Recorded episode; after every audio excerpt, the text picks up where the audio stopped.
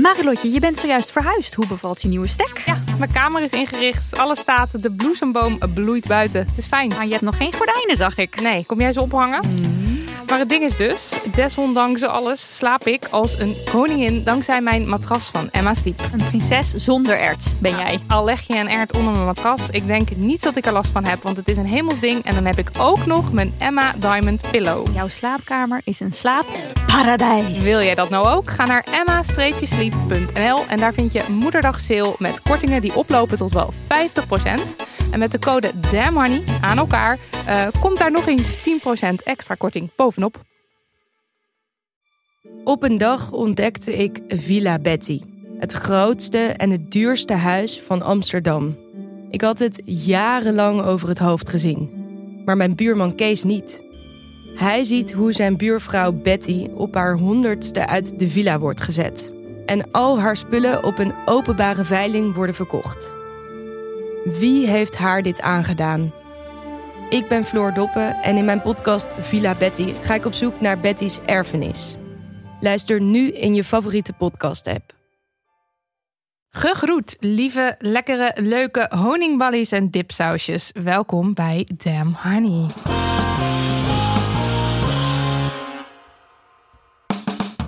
De podcast over shit waar je als vrouw van deze tijd mee moet dealen. Mijn naam is Marilotte. En ik ben Nidia. En ga er lekker voor zitten, want we zijn alweer aanbeland bij de Big Five. Oh, aflevering 50. Moeten we dit vieren? Klinkt als een mijlpaal. Nou, we vieren het met twee droomgasten. Dat is wel waar. Waar we echt al, ja, hoe lang zijn we al aan het appen om dit voor elkaar te krijgen? Maanden? Ja, toch? Ja. Ik heb Zoiets? het idee vanaf het begin van ons bestaan. Nou ja, aflevering zo lang, zo lang. Dus is het wel een wishlist? Wish, ik kan het niet uitspreken. Het stond al in het draaiboek, ik heb het eruit gehaald. Wishlist dingetje. Ik heb net nog gezegd, je mag er wensenlijst van Ja, maken. vond ik niet, vond ik niet hip genoeg. Anyway, twee droomgasten. Het is eindelijk zover. Droomgast nummer 1 is samen met Anousha Nezume en Mariam Elmasloui... een van de drie oprichters van wat ooit begon als een podcast... maar uitgegroeid is tot een multimedia-platform Dipsaus. Ze is redacteur van Dipsaus Publicaties... verbonden aan uitgeverij Pluim... en ze werkt bij de Raad van Cultuur. Het is Evice Wakjira Rauw. Yay. Hallo. Hallo. Jingle.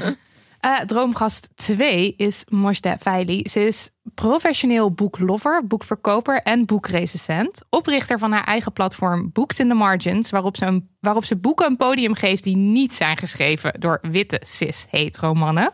En ze schreef een bijdrage voor De Goede Immigrant. Het boek dat is uitgegeven door Dipsaus en uitgeverij Pluim. Pluim. Welkom Mosde. Dank je, hi. Hallo, hallo. Straks duiken we in alles rondom het boek De Goede Immigrant. Maar eerst, first things first, Media. Vertel ons hoe je de Femimist inging de afgelopen dagen, weken. Nou, dat zal ik jullie vertellen. Ehm, het heeft denk ik wel een beetje te maken met dat ik een beetje op mijn max zit. Dat ik ri- richting de overspannenheid zit. Maar ik word dus de laatste tijd heel erg pist van alle mailtjes en DM's en vragen die wij krijgen van mensen. Ehm, en dat zijn er nogal wat. En dit is, ik, eh, ik vind het dus nu alweer moeilijk om te zeggen. Want ik denk meteen dat mensen nu luisteren en denken: Oh my god, ik heb net een berichtje gestuurd en ze haat mij nu. En dat is niet zo. Maar Misschien moet je even, het is ook gewoon niet per se heel persoonlijk bedoeld. Dit het is dan algemeen. Ja, het zijn dus het zijn oproepjes. Wil je dit delen? Wil je dit doen? Ja. Wil je hier aandacht aan besteden? Eh, wil je me eventjes met dit onderzoek helpen? Wil je even dit? Nou, heel veel emotional labor wat mensen eh, van ons willen.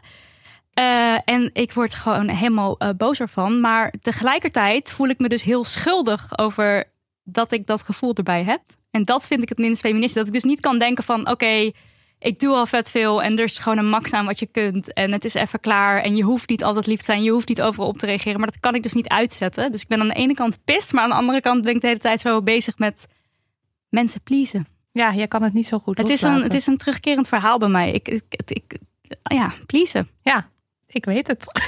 Maar stop met dingen van ons vragen.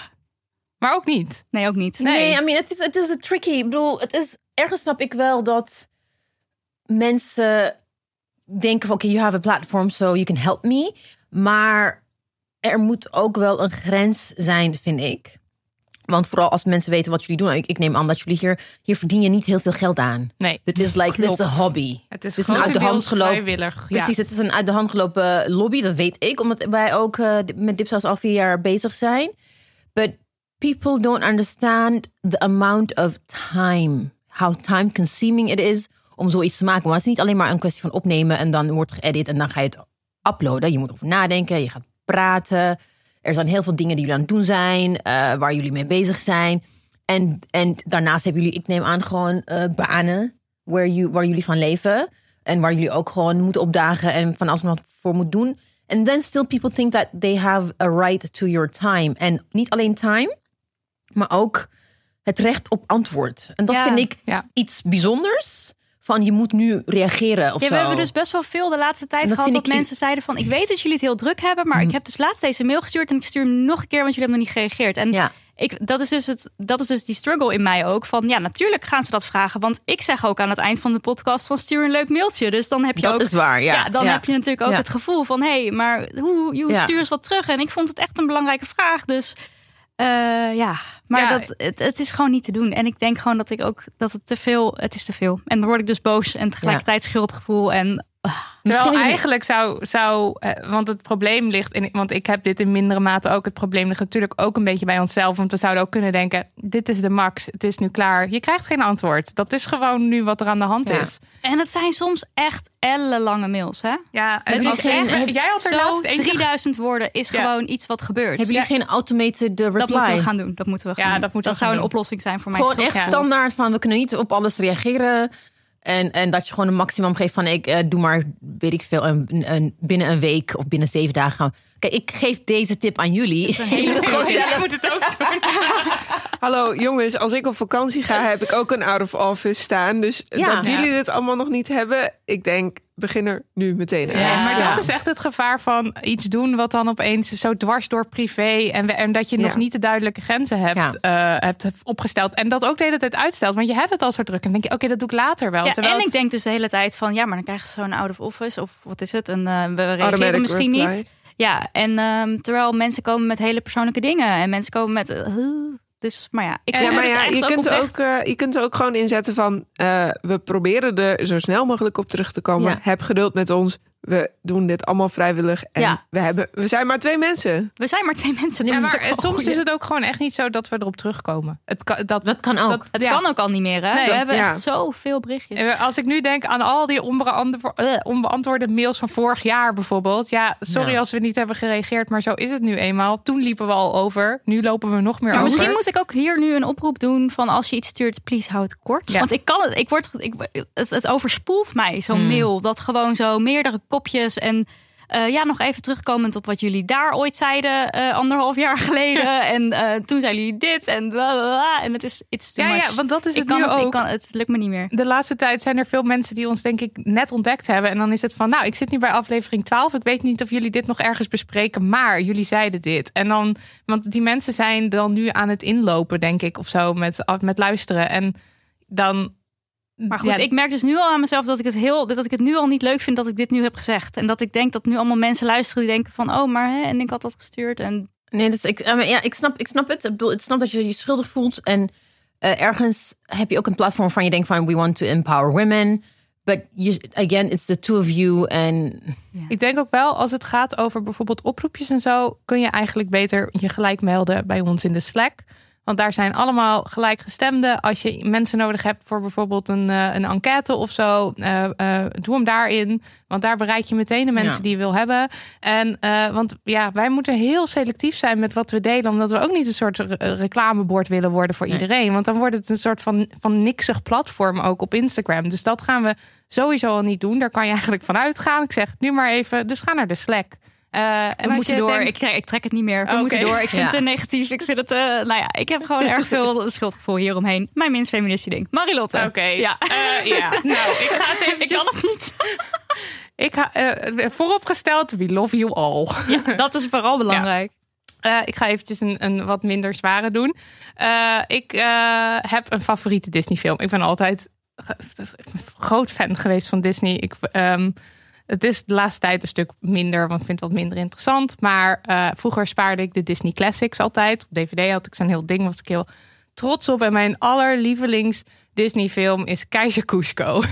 en ik vind die zo grappig. Hebben jullie die gezien? EBC, Morste? Nee. Nee, nee, ik ook niet. oh, nou, ik ga je nu tegen de mensen die geen idee hebben, ga je Nou, dit nu dat, maar, vertellen? ja, dat is leuk. Vertel me wat het is dan. Waar, waar gaat het over? Eh, Kort. het is, eh, ja, Keizer, het, weet, weet je, wat, het is niet eens per se het verhaal. Het zijn gewoon al die grappige, sarcastische grapjes die erin zitten. En eh, nou, het gaat over iemand die verandert in een lama. Ik bedoel, hè, dat is ook niet per se een heel interessant verhaal. Maar eh, ik heb een aantal vrienden die dus net zo fan zijn als ik van Keizer Cusco. Eh, en soms hebben we tien minuten lang gesprekken met elkaar. eh, die alleen maar bestaan uit het over en weer quoten van zinnen uit die film. Dit is iets wat minder bekend is bij de mensen. Ehm, en laatst, toen reageerde ik ergens onder een Instagram-post met een bij de hand de opmerking. En toen kreeg ik een soort hele uitgetypte quote uit Keizer Cusco kreeg ik terug. En ik typte zo ook weer mijn, go-to quote. En toen dacht ik echt, wow, dit is echt niet oké eigenlijk. Dat ik dit nu... eh, nou, wacht. Het, wa- het was gewoon kut. En ik ga het heel even... ik ga het doen. De Volg dialoog. nu een fragmentje. Ja. En dat ben jij dan zelf, Ja. omdat je het zo uit je hoofd kent. Eh, ik heb het wel uitgeschreven hoor. en dit is Hilarisch. tussen een schouderengeltje en een schouderduiveltje op de schouders dus van personage Kronk. Ach, luister toch niet naar hem. Hij probeert je alleen maar op het rechte pad te brengen. Ik breng je op het slechte pad en slecht is cool. Ach, duvel op jij. Duvel zelf op. Jij, jij, jij, jij ontelbaar. Grr. Luister goed, grote vent. Ik heb hier drie goede redenen voor jou om hem te smeren. Punt 1. Moet je hem nou zien met zijn nichterige snaren dingetje? Voor de zoveelste keer, dit is een harp. Dat weet je heus wel. Oh ja, dat is een harp. En dat is een jurk. Een robe. Ja, dat is echt dus als Ja. je dit, dit je hebt geen Nee. idee. Nee. Toch? Als, als, als mensen die- als je het niet gezien hebt, denk je, waar Nee. gaat het over? Maar je denkt ook bij dat nichterige Ja. snaren dingetje, ja. denk je, dit is echt niet. En Niet ik heb dit echt jarenlang gewoon, hi, Ja. nichterige snaren dingetje. Eh, en ook die jurk, dus hier wordt gewoon een, een mannelijk personage dat een beetje vrouwelijk aandoet of trekjes heeft, wordt hier gewoon eigenlijk belachelijk Ja. gemaakt.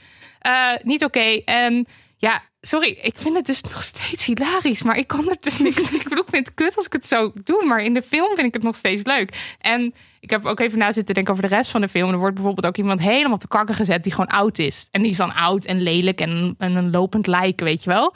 dat Eh, is dan de grap. dat is de grap, dat zij zo lelijk en dun en oud is. En het is, het kan niet. Als ik nu de film zou zien, zou ik het denk ik niet zo leuk. Als ik voor het eerst zou zien, zou ik het niet zo leuk meer vinden.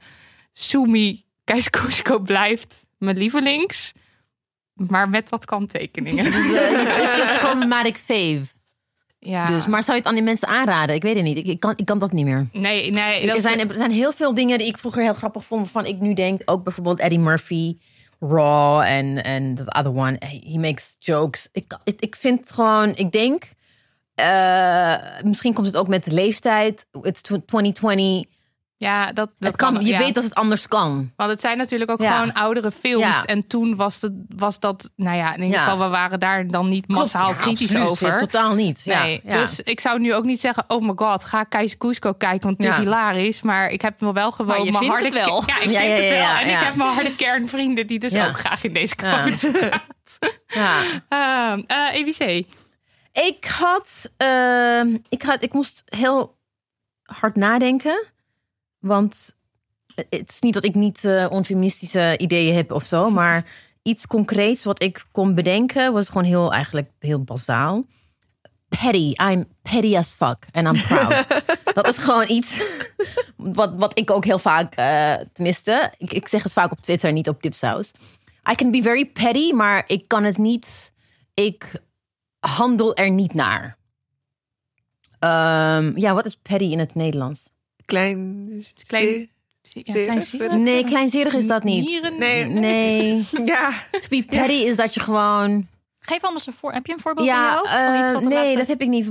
Nee, dat dat is het ding. It's, it's difficult to. Het gevoel meer dan. Je kan ook gewoon handelen. Dat je gewoon echt iemand gewoon terugpakt. Op iemand die jou iets heeft aangedaan, dan ga je ze gewoon, when opportunity comes, je pakt ze terug op een. Is het een soort wraakzuchtig Ja. of zo? Of dat je Ja, ja, ja. Het- maar dan in woorden en niet in daden. Ja, in, da- meer in woorden dan niet in daden. Ik heb het niet naar gehandeld, maar het was somebody that eh, I know, best wel een bekend iemand, vrouw, die eh, mij en ook Dipsaus ooit heeft gewoon geshade. Like major shade. Oh, Weet je? Nee, nee, nee. You don't know. No, no, no. It's, not, it's not. I'm not going to say any names. Because we still hang out. Um, maar er gebeurde iets. Dat is het ding. It's going to be vague. Want ik kan echt niks vertellen. Dit blijft alleen Er binnen gebeurde Dipsaus. iets en toen deed Nee, jij nee, nee, iets. ja, en toen... dit is gewoon smurf. Ik praat in smurfentaal nu. maar something happened to her publiekelijk en dacht van ha, Lekker. Ah, ja, Ja, dat ja, ik echt dacht van, you know what? You know, God straft of zo. Weet je, dat ik dat dacht, dat heb ik ook gewoon eh, in een aantal appgroepjes heb ik het gedeeld. Maar ik heb daarna niet, ik heb niet op Twitter of weet ik veel geshade. Toen dacht ik van, eigenlijk is het gewoon, waar slaat dat op? Ja, Het is zo niet nodig, omdat ik heb er niks aan. Ik heb eventjes een lekker gevoel gehad, maar is het is it like is het solidair? Nee. Op een gegeven moment moet je toch ook gewoon, you know, you have to like forgive and move on. Maar ik, ik, ik, Maar ik, ik iemand kan kan vergeven, maar ik vergeet niet. That's what I'm, I'm petty. I am so petty. maar iemand kan toch ook... Ik, ik herken dit heel erg. En Ik ook. iemand kan toch ook gewoon kut zijn. En dat je dan denkt, ha, Nee, nee. en dan hou je Ja. het verder voor jezelf. Maar dan wentel je wel je even dat lekkere gevoel. Ja. Nee, maar kijk, als er echt iemand echt vervelend is, denk je van, ja, dan ben ik openlijk shady. Ik bedoel, daar ga Ja, ik ja, niet ja. eh, onder stoelen of banken steken. Hoe zeg je dat? nee, ja. Ja. Steken, ja, niet. It doesn't, it doesn't make sense. Als je het vertaalt naar het Engels, onder stoelen of banken, it does not make sense. maar, maar iemand die je wel gewoon kent, dus somebody who shares the same values. Ja, dat je- het extra tegenvalt ook. Ja, en dan had je denkt van, Ja. je moet, ik moet gewoon, ik moet daarboven staan. It's a small thing, it's not really a big deal. Maar ja, ik kan het, ik kan het moeilijk loslaten.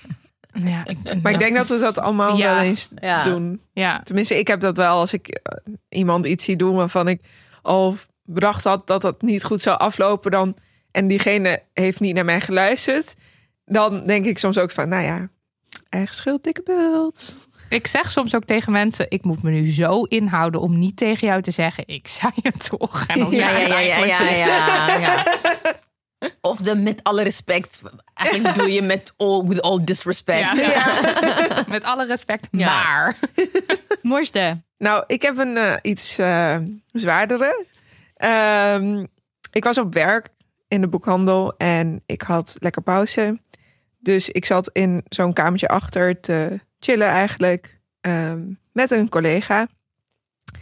En toen kwam er een andere collega die eh, bij ons in het café werkt. Die kwam eh, even wat halen. En die moest even ranten bij ons.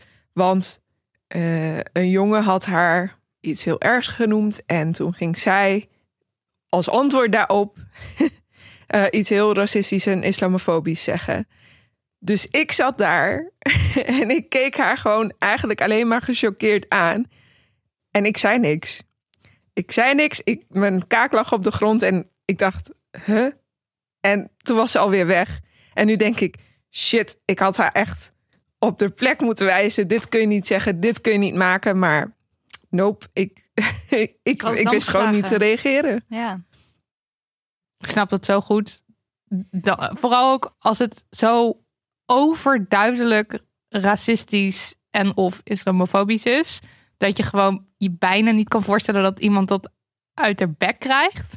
Dat je dan helemaal flabbergasted bent. En de onverwachtheid natuurlijk. Want Ja. jij zit daar gewoon je, je, je, broodje ja, wat te was het? eten. Ja, Ja. Even, te, even te relaxen. Zij komt binnen, ze vertelt eerst het eerste deel van het verhaal, waardoor je denkt, oh jeetje, wat heftig dat jou dat is. En dan komt dit erachteraan en dan opeens slaat het weer om naar niet slachtoffer, maar dader. Ja, maar allebei was gewoon zo fout dat ik niet eens wist waar ik moest beginnen, zeg maar. De jongen zat fout, zij zat fout. Alles was fout aan die hele scenario. En ze zei ook van, ik weet dat ik een beetje racistisch ben, dus... En toen volgde het commentaar en toen dacht Oh. ik, maar dan, wat zeg je dan op zo'n moment?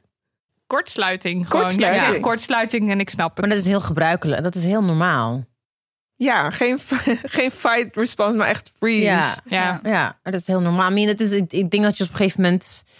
I don't know. Ik zal niet weten hoe ik... It depends on the situation. ja. En again, leeftijd. Naarmate je ouder wordt, like no fucks given. Ja, maar je ook ik, gewoon confront- confronterend wordt. Ja, want- ik over- overweeg nu dus ook gewoon om toch nog naar haar toe te stappen van wat je toen zei was niet oké. Maar Ik denk dat je dat, I mean, als je daar prettig bij voelt, doe het. ja, Als het, if it doesn't cost you any material damage of whatever, waarom niet? Maar je moet, ik snap wel dat je echt denkt van, heeft het nut? Als ze al zelf begint met: Ik weet dat ik racistisch ben. nee, maar het heeft wel een nut. Nee, maar kijk, dat is, dat is altijd een soort cop-out, een, een disclaimer.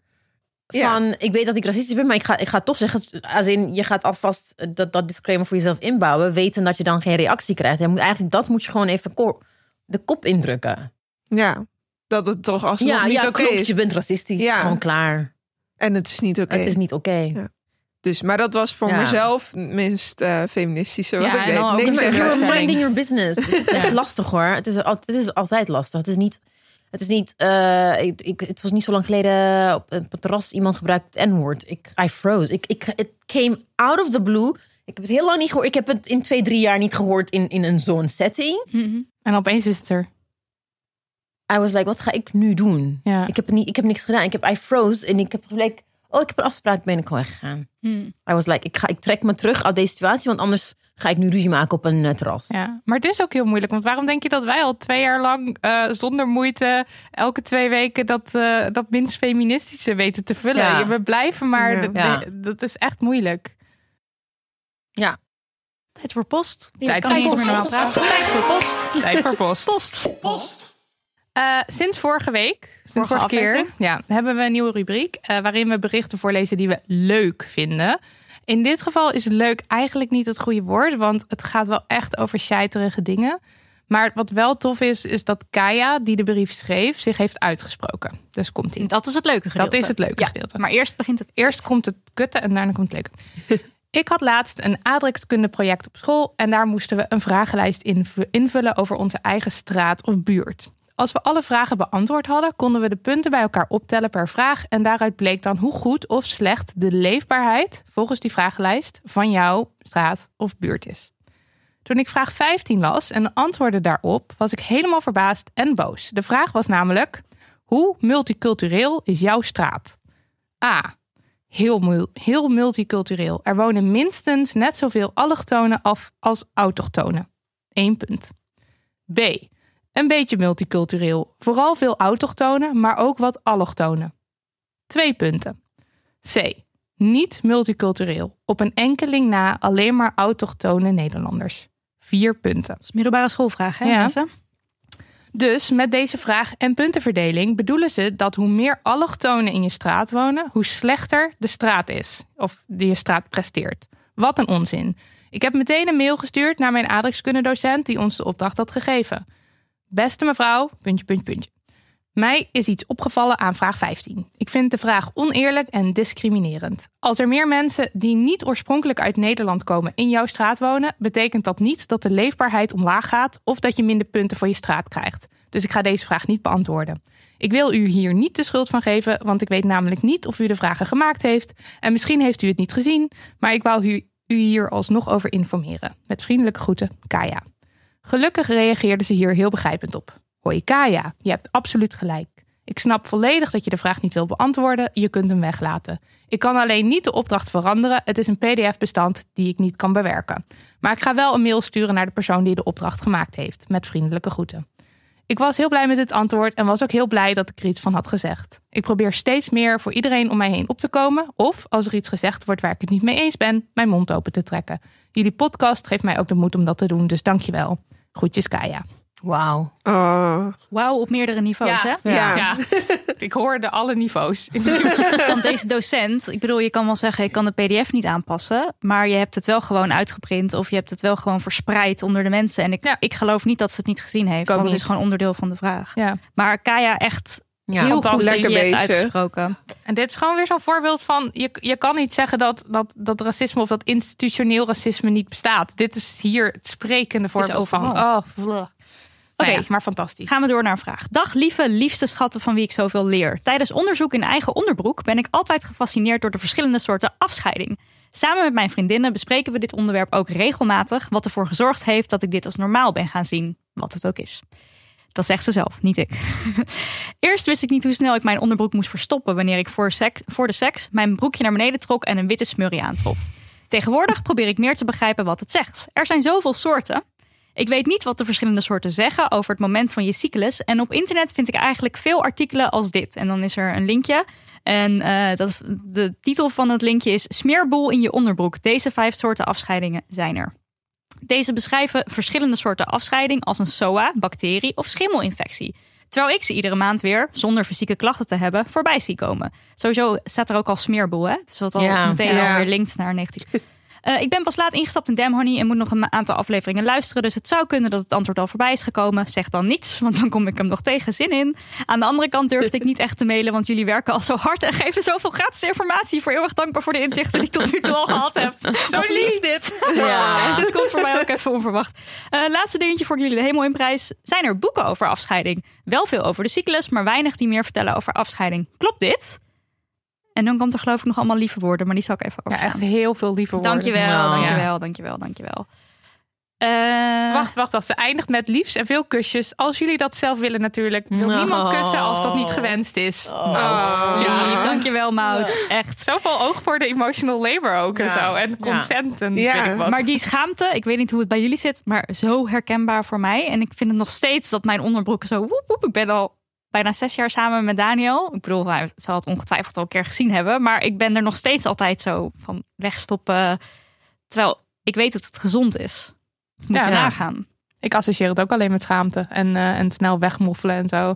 En ik kan bevestigen, nog ontkennen dat ik wel eens heb geprobeerd om als ik dan ergens een vieze onderbroek van iemand anders zag liggen, dat ik dan misschien zo eens zat te kijken van is dat het enigszins in? vergelijkbaar of Ja, eh, ben dat ik is zo raar? herkenbaar. Het is zo herkenbaar. Maar het is, it has to be normalized. It has to be Ja. normalized, want ik ben ook, ik bedoel, ik ben getrouwd en ik heb ook nog steeds van, ik wil niet dat, ze het, dat, dat hij mijn vieze onderbroek ziet, maar hij doet de was. Ja, dus ook. hij het doet ook zien. de was, dus hij, hij ziet het ook. En dan denk ik, weet je, what the hell, this is what it is. Ja, Ik kan er niks aan doen en het is gezond. Ja, Ja, maar het is dat juist is het goed. dus. Het is Het is juist juist goed. goed Ja. dat je, you know, smurrie uit je vagina Smeerbol, komt. smurrie, it's all Ja, goed. it's all good. En Het juist- goede smeer. niet alleen dat, maar je moet het ook gewoon in de gaten houden. Because the Ja. moment it changes or the moment it smells different, dan moet je. Dan is er wel ja, iets. Ja, dan is er wel iets aan de hand. Dus Ja. dat is. En ik, het is nu, dit is nu iets waar ik veel bewuster van ben, omdat ik een dochter heb. Hmm, ja. En eh, ze gaat puberen. Dus ik moet ook hier- gewoon Hoe oud is ze nu? Ze is elf. Oh ja. Oh ja, dan komt Dus het ik moet haar hierop voorbereiden. Ja. Ja, Ja. dat Dus- het gewoon niet raar is en Ja, dat en het dus normaal is. eh, om wat ik niet mee heb gekregen, because of eh, eh, cultural eh, achtergrond, eh, wil ik gewoon dat doorbreken. Dus ik wil het gewoon, ik wil dat het normaal is, dat, dat, dat ze weet dat het eraan zit te komen en dat ze het juist moet embrace it Ja. en not. Eh, Ja. Maar ook gewoon praten over eh, ongesteld zijn en zo aan tafel. Ja. Waar, maar de zoon en maat zijn like, eh, moet dat nou? I'm like, ja, het is normal. Ja. Oh. Ik kan er niks ja. aan doen. I'm like, I'm bleeding right now. Ik doen alsof I'm not bleeding? Jij bent ik, hier omdat ik, ik word bloed. ineens, ik word persoon die ik niet was toen ik heel jong was. Dan denk ik van, weet je, het gaat niet meer om mij. Het gaat om haar en ik wil haar niet de, de, dezelfde, how do you say it? Tra trauma is mi- misschien een beetje te heftig een Te woord, groot, maar ja. de, de, de, de- die s- Schaamte? schaamte aanpraat. Ze moet Mhm. zich niet schamen voor haar lichaam. Het is ook zo vreemd dat we het dus in bijvoorbeeld, ik kan me niet herinneren dat het, behalve dan dat er een keertje stond van een, een afscheiding is normaal of zoiets in een, in een boek of whatever, met biologie of weet ik veel, met, met, met eh, wat is het, sex education, eh, seksuele voorlichting. Ehm, maar wat wij bijvoorbeeld geleerd hebben uit Period Power van, eh van Macy Hill, van de cyclusstrategie, is, is dat je afscheiding dus ook gewoon zoveel zegt over waar je zit in je cyclus. Ja. En, Ja. eh, dat, dat het dus eh, eh, ehm, van, van zeg maar wat meer plakkerig of crème-achtig of romig of zo gaat naar eiwitachtig. En Ja. dan weet je dat Ja, je rauw eiwit. Ja, rauw eiwit. En dat dan zo heel slijmerig is. Dus Waardoor, als je het tussen je duim en je wijsvinger doet, dan blijft het ook zo stretchen. Ja. ja, echt zo twee En dat tweeënhalf zorgt ervoor ja. dat sperma dus heel makkelijk... Het is gewoon een soort Ja. glij, ja, Ja, glijmiddel. Glijmiddel dat? voor sperma. Dat, dat, Ja. het zo woep, lekker Ja. makkelijk gaat. En dat maakt dus ook, dat, dat draagt bij aan je vruchtbaarheid. En dat is allemaal, eh, zeg maar, rond je ovulatie. Ja. Dit wist ik allemaal niet. Ja. Terwijl het dus zoveel learning. Ja. En ik, ik Ja. wist dus ook niet dat het dan dus veel meer is. Want ik weet wel dat ik af en toe opeens een hele natte onderbroek heb. Ja. Ja. Of als je dan, eh, weet ik veel, moet niezen of zo. Herkennen Ja. jullie dat ook? Ja. Dat je denkt, Ja. wat de fuck is dit nou weer? Ja. En nu weet ik dat het gewoon rond mijn ovulatie is. En nu vind ik het dus eigenlijk ook wel cool. Want ik weet ook dat het iets positiefs is. Ja. Maar wat ik net zit te bedenken. eh Marilotte en ik hebben net een nieuw boekje geschreven voor tieners. Waarin een heel we groot hoofdstuk over menstruatie zit. En we hebben niks Ja. over afscheiding geschreven. Is Hebben. het al, is het denk al ik me nu. gedrukt? Ja. Ja, nou nou ja, misschien gaat kan het morgen nog. of zo. Meerte naar- kan het nog. Nee, maar moet het morgen naar de- maar wanneer moet het naar de drukker? Ja, het- Ja, we, het is we hebben echt gezien al alle, ja, alle laatste dingen zijn echt wel geweest. Maar goed, het is dus een onderwerp wat Is het nog al te vaak opgemaakt? vergeten PDF wordt. al? Ja, Ja. het is al helemaal, helemaal klaar. Ja, maar, Ja. maar er waren Dit nog drie moet- pagina's belangrijk. We weten het niet. We gaan straks even meer te Het is gaan heel bellen. belangrijk, ja. Maar, Maar- ook voor mensen dus die, die luisteren en die meer willen weten. Dus ehm, het boek De Cyclusstrategie gaat dus over je cyclus. En dus ook over al die verschillende soorten afscheiding. Ja. Want het is niet alleen maar over je menstruatie. En zij gaat er best wel uitgebreid op in. Dus Ja. dat is een tip. Echt eye-opening. En eh, waar we achter kwamen is dat eh Titia Hogendoorn een eh, artikel heeft geschreven ooit, lang geleden, ik denk 2017 of zo, voor Vice, over afscheiding. Daarin ging ze achterhalen of het misschien ook een, een, een manier was om eh anticonceptie. anticoncep- ja, ja. nou ja, dan kwam ze tot de conclusie dat het een beetje riskant was. Maar zij gaat er dus wel helemaal ook in bespreken van zo zit dat en zo werkt het en zo ziet het eruit op deze momenten. Dus als je geen zin hebt om, eh om Macy, om eh, Period Power helemaal te lezen, dan kan je altijd eventjes. eh, ik zet het artikel van Titia zo meteen in de show notes. Maar toch de cyclusstrategie lezen. ook. Ja. Marcel is onze persoonlijke PR-vrouw op dit- als het aankomt. Op is echt het boek wat ik vind dat echt iedereen die menstrueert of ooit heeft gemenstrueerd. Of iemand Gewoon kent die menstrueert. Iemand die kent, meer- Ja. iedereen moet het gewoon lezen. En bij mij op werk zeg ik altijd, ik ben nu ongesteld. En mijn mannelijke manager vindt dat soms een beetje awkward. Ja. Maar ik zeg het gewoon en ik zeg tegen hem, je moet er maar mee dealen. Je hebt ook een dochter, je gaat hier gewoon over praten. Dus iedereen lezen, Yes. hij ook. Zo goed. Ja. Yeah, but that's the thing. Also, I mean, that's also one of the things that you don't do as a woman in in in in professional setting. Je gaat niet zeggen ik ben ongesteld. Het is niet zo gebruikelijk. Ik dus wel. Ja. ja, nee, ja, ik ook hoor. Te pas en te onpas. Dan kom- Ja. Ik ben de hele tijd ongesteld in mijn hoofd. Dus Ja, en ik zeg, ik zeg het nu wel, maar dan niet tegen iedereen, niet tegen mijn baas, maar Nee, wel tegen mijn zeggen- directe collega. Kijk, jij, voor jou is het redelijk makkelijk praten. Ja. Ja, ben dat je is waar. collega. Ik heb- weet ja. je, we schrijven Ja. hierover. Ja. Ja. Ehm, bij jou is het nog redelijk kleinschalig. Ja, want in een corporate setting dat ga je Ja, gewoon zien. dat nee, pikken kijk, mensen ik bedoel, niet. wij zijn allemaal best Ja. wel casual eh, Ja. op werk. Ja. Het is niet... eh, Ja. En we, Nee, bij ons is het eh, bij de Ja, Raad dat van. Cultuur. Daar praat je niet over. nee, dat is wel. Ja, wel dat- onderling met de vrouwen, maar met de mannen. Het is niet eens dat het- they they'll feel so uncomfortable about it. ja. Maar dat is Ik heb echt wel een keer problematisch gehad hoor. dat is echt heel zo- problematisch. Ja. Helemaal bleek weggetrokken, zo Ja. tegen een soort keukenkastje aanhing. En toen kwam er zo'n een, een man, een collega. En die maakte toen een soort grappige opmerking. En toen durfde ik ook niet te zeggen van ja, Ja. maar ik, ik, ik weet niet, ik ga flauw vallen. Zo voelde Ja. het zo ongeveer. Terwijl Ja. mijn menstruaties zijn echt heel licht hoor. Dus ik Ja. mag helemaal niet eh, klagen daarover. Maar dat hij zei, oh je ziet wel moe uit. Hij, hij maakte een soort Ja. grapje daarover. En ik durfde toen dus ook niet te zeggen van nou ja, eigenlijk Hallo. is dit aan de Ja. hand. Ja. Ik wil gewoon in mijn bed liggen nu, maar dat kan niet. Ja, het is nog steeds, I mean, one of the biggest taboes. It's, it's Ja. ridiculous, but Eh, oh ja, over afscheiding ook nog een ander ding. Daan Borrel, die was de gast in aflevering Oh ja. 34 over de menstruatiecyclus. Die heeft er ook een keer een post over gemaakt op Instagram. En daar heeft ze dus tussen haar duim en wijsvinger heeft ze daadwerkelijk afscheiding. Wat ik echt wel taboe doorbrekend en behoorlijk kick-ass vind. Dat ze dat eh, gewoon, Gewoon op, eh, op, ja. Instagram heeft gezet. Ehm, ja, dit, nou, dit is gewoon weer een van de vele voorbeelden. Waar- We hebben het de afgelopen afleveringen gehad over dingen waar we schaamte over voelen. Nou, zo'n vieze onderbroek, dat, dat kan ook gewoon op Instagram. Als in, dat past precies in die categorie van Ja, dingen waar we schaamte over moeten zo. voelen. En waar dan weer producten voor gekocht moeten worden om het niet te hebben. Namelijk inlegkruisjes. ja, Die zijn toch bedacht voor afscheiding? ja, maar dat schijnt heel slecht voor je te zijn. Ja, nee, dat moet je ook absoluut Ja. niet. Ik Maar absoluut het is meer gewoon, kopen. het is dus alsof het wordt gepresenteerd als een probleem Ja, en daar moet dan een oplossing. Maar dat Ja. slaat nergens op. Je hebt toch gewoon een onderbroek ja. Eh, of niet, trouwens. Je hebt toch gewoon, als het goed is, misschien kleren aan. En dan kan ja, het toch maar gewoon in. het ding is, maar kijk, wat, wat, wat ik wel nu heb, wat ik nu wel doe, is dat ik gewoon, ik heb altijd wel een extra onderbroek bij me. Mhm. Because sometimes Dat like, it just really gets wet and I'm like, Ik heb trouwens ook, ik, hebben jullie deze gedachte ook wel eens gehad? Dat als je bijvoorbeeld eh, lingerie shoots of zo, dat ik dan altijd denk van, maar hoe doen die vrouwen dat toch? Je krijgt toch allemaal afscheiding in die onderbroek of je krijgt een natte vlek of zo? Of hoe dat werkt heb ik dat? gewoon meerdere... Photoshop. Ja, dat, is dus, dat lijkt me Photoshop. Wat, Het is was fo- photoshoppen, joh. Maar ja, ja, ik heb dit, dit is een heel Or vaak plug, I gespeelde mean, heeft gedachte tampon in, hoor. Ja, dat kan het, natuurlijk Dat ook. het gewoon de vocht... eh, neemt. Ja, dat Ja. zou kunnen. Ja, er Ja, is, zoiets er is zal wel zo'n- zijn. Er is eh, bij de Kinkerstraat op de hoek is zo'n eh, op de ramen staat zo'n vrouw in lingerie en ik zit dus altijd naar haar onderrok te kijken omdat ik dan denk, huh? ja. Ik heb het gewoon het gevoel dat daar iets van vlekken in zouden Nee, moeten maar zitten. the thing also, because the thing is, I'm, I'm in my 40s en ik denk, eh, I'm having, I don't know, weet ik veel. Het begint al vroeg. In, in eind 30 begint, begint al je hormo- hormonen, hormonale huishouding te veranderen. In aanloop naar eh, oh ja, naar de... Ja, je- hoe heet de dat? perimenopauze. Premenopause. Ja, dus dus het, ja, het ja. komt en het gaat. En ik had wel inderdaad drie, vier jaar geleden dat ik echt ineens gewoon eh, baden in zweet werd ik gewoon Oh, wakker. ja. Maar ik merk nu ook dat eh, my, mijn afscheiding, de smell is changing. Oh ja. Het, het is, het is veranderd. En soms na, nadat ik ongesteld ben, dat- nadat ik echt helemaal, ik ben klaar met ongesteld zijn, the first two days, I'm like, what is that smell? het is gewoon anders. Het is heel anders nu. Heel interessant. En ja. ik heb het gewoon gegoogeld en het heeft, te het heeft waarschijnlijk daarmee te maken dat het gewoon, like, sowieso, your hormones change every ja, ja, zoveel zoveel jaar. regeneration of weet ik veel. Die- eh, eh, Om de zoveel jaar veranderen je hormonale huishouding als vrouw. Dus ik denk dat het, maar da- daardoor heb ik nu gewoon altijd een extra onderbroek bij me. Because I'm like, ik, ik, ik denk dan, het is waarschijnlijk niet zo, maar ik denk dan, als ik het kan ruiken, kan iedereen het ruiken.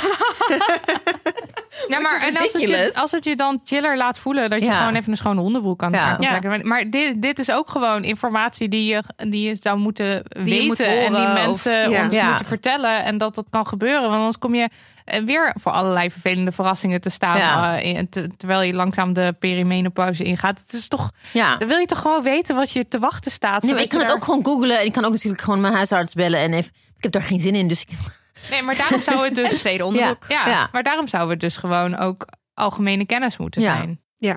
Nee, maar ook one of the things that ha- I don't know whether this happened to you guys. We're talking vagina anyway, so let's just continue. Uh, dat door. ik- uh, het was ook weer inderdaad een jaar of drie, vier geleden. Uh, again, my, my hormonale huishouding changed. De pH-waarde veranderde. En I, I used to joke, I had a like, toxic vagina. Omdat ik kreeg gewoon gaatjes in mijn onderbroek. Omdat het zo Allemaal. brandde gewoon. Al mijn onderbroeken gewoon holes in them. Eerst dacht ik van, is er een muis? Die Dit was je eigen muis. Nee, maar ik dacht... Oh, dat is zo ontrem. Het duurde zo lang voordat het bij mij Ik binnenkwam. zag, ik zag hem bij Mosje heen kikken. Het duurde heel lang, dat was heel grappig. Heel grappig. Nee, maar echt terug naar de Ik muis. was nog met de gaatjes mijn, bezig. al mijn... On, want eh, je, je heeft toch dat... Even if it's like lacy, je hebt dat katoen. Ja. Dat gewoon gaten overal. Dus ik moest gewoon echt... Ehm, ik Eh, heb dit maar je- ook wel eens. Ja, ik ook. En, Oh. en ja, en, eh, maar ik heb sowieso altijd got soort toxic van... vagina's. Eh, maar ik heb ook altijd gewoon van die... Van die wat is het? Feministen, zure, zure feministen. Jeetje, jij bent echt, echt een twee. Zure muisjes. Oh, zure meisjes. Oh my Wat een goede naam voor een feministische groepering. Ja, de zure Zure meisjes. gebruiken, Dus jongens. dat is dus Zure normaal. meisjes. Because I asked my friends. En in Dipsaus heb ik het gezegd. by the way, I think I have a toxic vagina. Ik heb gewoon gaatjes in al mijn onderbroeken. Dus Maar, maar hebben jullie, nu we het toch over toxic vaginas hebben, hebben jullie dan ook van die, van die vlekken, of echt van die Ja. soort van bleek? ja, ja, ja, because it's to- omdat het zuur is. Ja. En En dan bleekt het gewoon. Ja. Het, dat- werkt als bleekmiddel. Bedoel je als je het gewassen hebt dat het dan alsnog een soort ver- lichter is? Bijvoorbeeld Nou ja, als je een zwarte onderbroek Ja, ja. hebt. Dan is het En dan is het van zo'n... Dan wordt het, vlek. ja, dan wordt het een soort van bruinig en dan roze. En dan... Het, het verkleurt. Net zoals Ja. als je bleek Dat gebruikt. heb ik dus niet. Oh, we, oké. Oké. Nee, we're, we're, we're like the toxic vagina club. Wij zijn de zure muisjes en jij niet. Nee, ik heb dit niet. Ja, ja, ik doe het- echt al vet lang met mijn onderbroeken. Want ik heb één favoriet die ik niet meer kan kopen. Dus die blijf ik maar gewoon de hele tijd. eh, en geen gaten. Nee, maar het is echt gewoon, het is gewoon echt, I mean, dat gaatje Komt is over now. Dus I don't have to buy, like, ik moest echt alles gewoon weggooien. Ja, kut. Ja, ja, en ik had het, Ik, ik, had dacht het dat het aan de HEMA niet. lag. Want ik heb altijd HEMA onderbroeken. Dus ik dacht, oké HEMA, jullie kwaliteit is gewoon achteruit. Nee, ik, heb- ik heb het gegoogeld en ik kwam op eh nieuws, you know, like van die, ehm, hoe heet het? Niet newsletters, maar van die groepen. Online Ja. Forum groepen. of zo. Forums. Ja. Zeg van, ja, het heeft Ja. echt met pH-waarde te maken. Wow, ik vind dit echt goede informatie. Ja, ik ook. En Nog is- nooit van gehoord. Ik ook niet. Nou ja, wel, ik dacht wel al, er moet iets zuurs zijn, want anders zitten al die vlekken er niet in. Ja, ja, Maar ja. ik had verder niet Het is eh echt, maar het is gewoon gedaan. de pH-waarde. Maar het is ook weer- zuurder. Is het ook weer weggegaan? Want ik heb het Ja. niet meer zo vaak. Nee, bij mij is het, nu heb ik geen, eh, I Ja. mean, dat, dat, dat verkleuren wel, maar niet, eh, geen gaatjes, Gaatjes. meer. Nee. Same. Ja, oké. En eh, hebben jullie, gebruiken jullie iets van anticonceptie? niet ja. meer. Ik Wacht wel. even. Oh. En wat heb je? Even Ik heb een kopperspiraal, dus geen Oh ja. hormonen. Oh, geen hormonen. En dat was al met de toxic, en was de spiraal was toen al Daarvoor. gaande. Met de Oh, dus toen had je niet. Ik, ben- ik Ik- ben ik had- toen had ik helemaal- Toen zoeken. had ik juist niks. Ik had geen, I, I didn't use... Oké, niks. En jij dus ook niet? Ik, eh, toen ik dat had, had ik wel anticonceptie. Ik had de pil. Ik probeerde dit soort van te deduceren. Nee, van maar ik wat denk dat het echt niks daar heeft niks te mee maken heeft, nee. Nou ja, mocht er iemand luisteren met verstand van vagina's en je denkt, hé, hey, nou, dit, En eh, hier, eh, pH-waardes. dit is, dit is eh, aan de Mail, hand en ik mail eh, in korte verwoording. Ja. Doe er eventjes een too long didn't read boven en dan zijn wij helemaal gelukkig. Oké, we hebben nog een brief. Ja. Marilot, Even, even snel. even snel hoor. Even snel. Beste Dam een leuke en belangrijke podcast hebben jullie. Voordat ik 3,5 jaar geleden moeder werd, had ik een hele toffe zelfgecreëerde baan met veel maatschappelijke verantwoordelijkheden. Ik was eigenlijk continu randje overwerkt, maar had er lol in en haalde er veel eigenwaarde uit. Ik dacht tijdens mijn zwangerschap om na drie maanden verlof de draad gewoon weer op te pakken, maar dat liep anders. Ik vond het moederschap stressvol en wilde niet nog meer spanning van werk het huis inbrengen.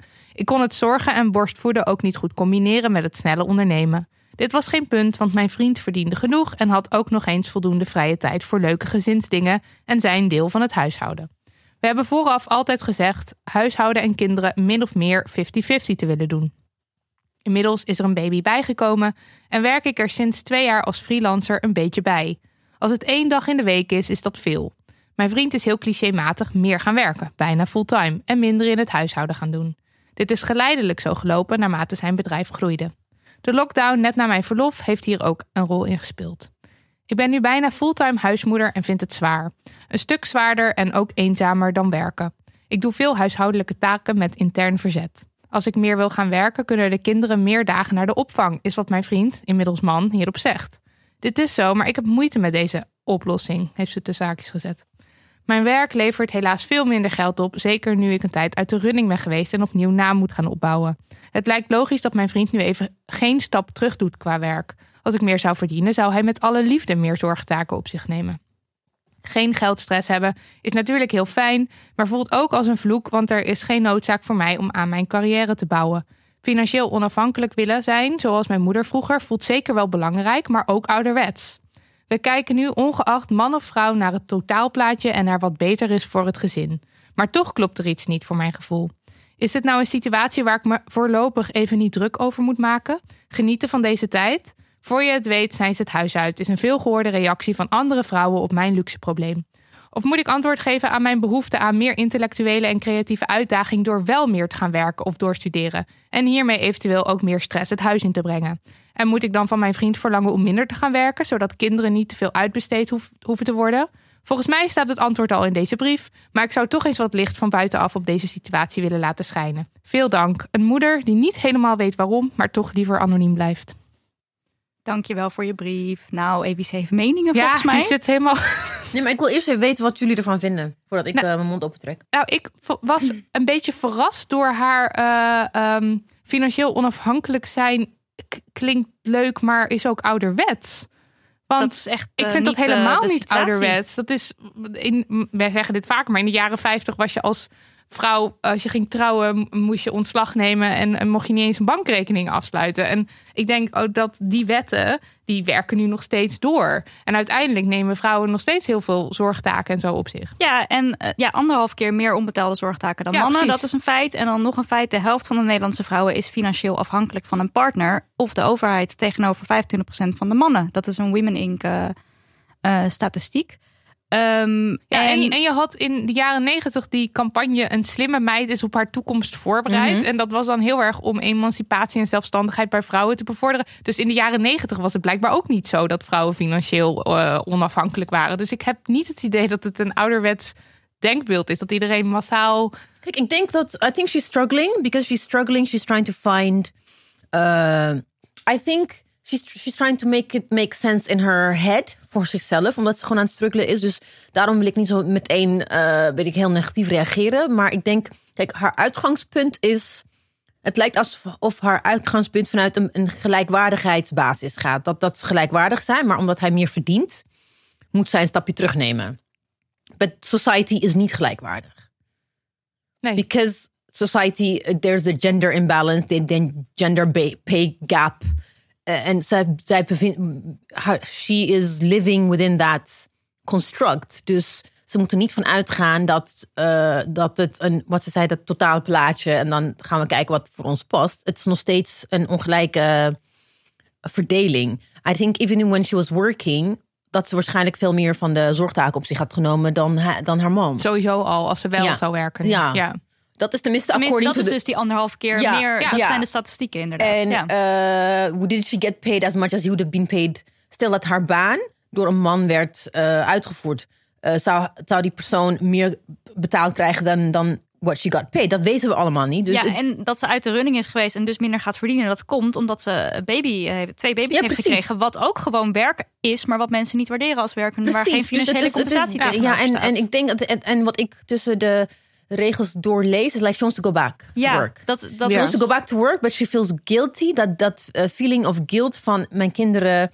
Ik moet voor ze zorgen, want alsof. voor je het weet, zij is het huis uit. ja, is ook dat is- iets, en, maar ja, dat zijn allemaal ook dingen die ze van andere vrouwen krijgen. Dat is een van typisch- andere vrouwen op mijn luxe probleem. Maar Ja, het is Het geen is luxe geen luxe probleem. probleem. Dit is een typisch. Dit is zo Nederlands. Jezelf Ja, het is wegcijferen. heel Het is zo Nederlands, maar ook eh, Nederland eh, als een van de OESO, OESO-landen, hoe heet dat? Een van de, eh, you know, like you have the ten meest ontwikkelde landen.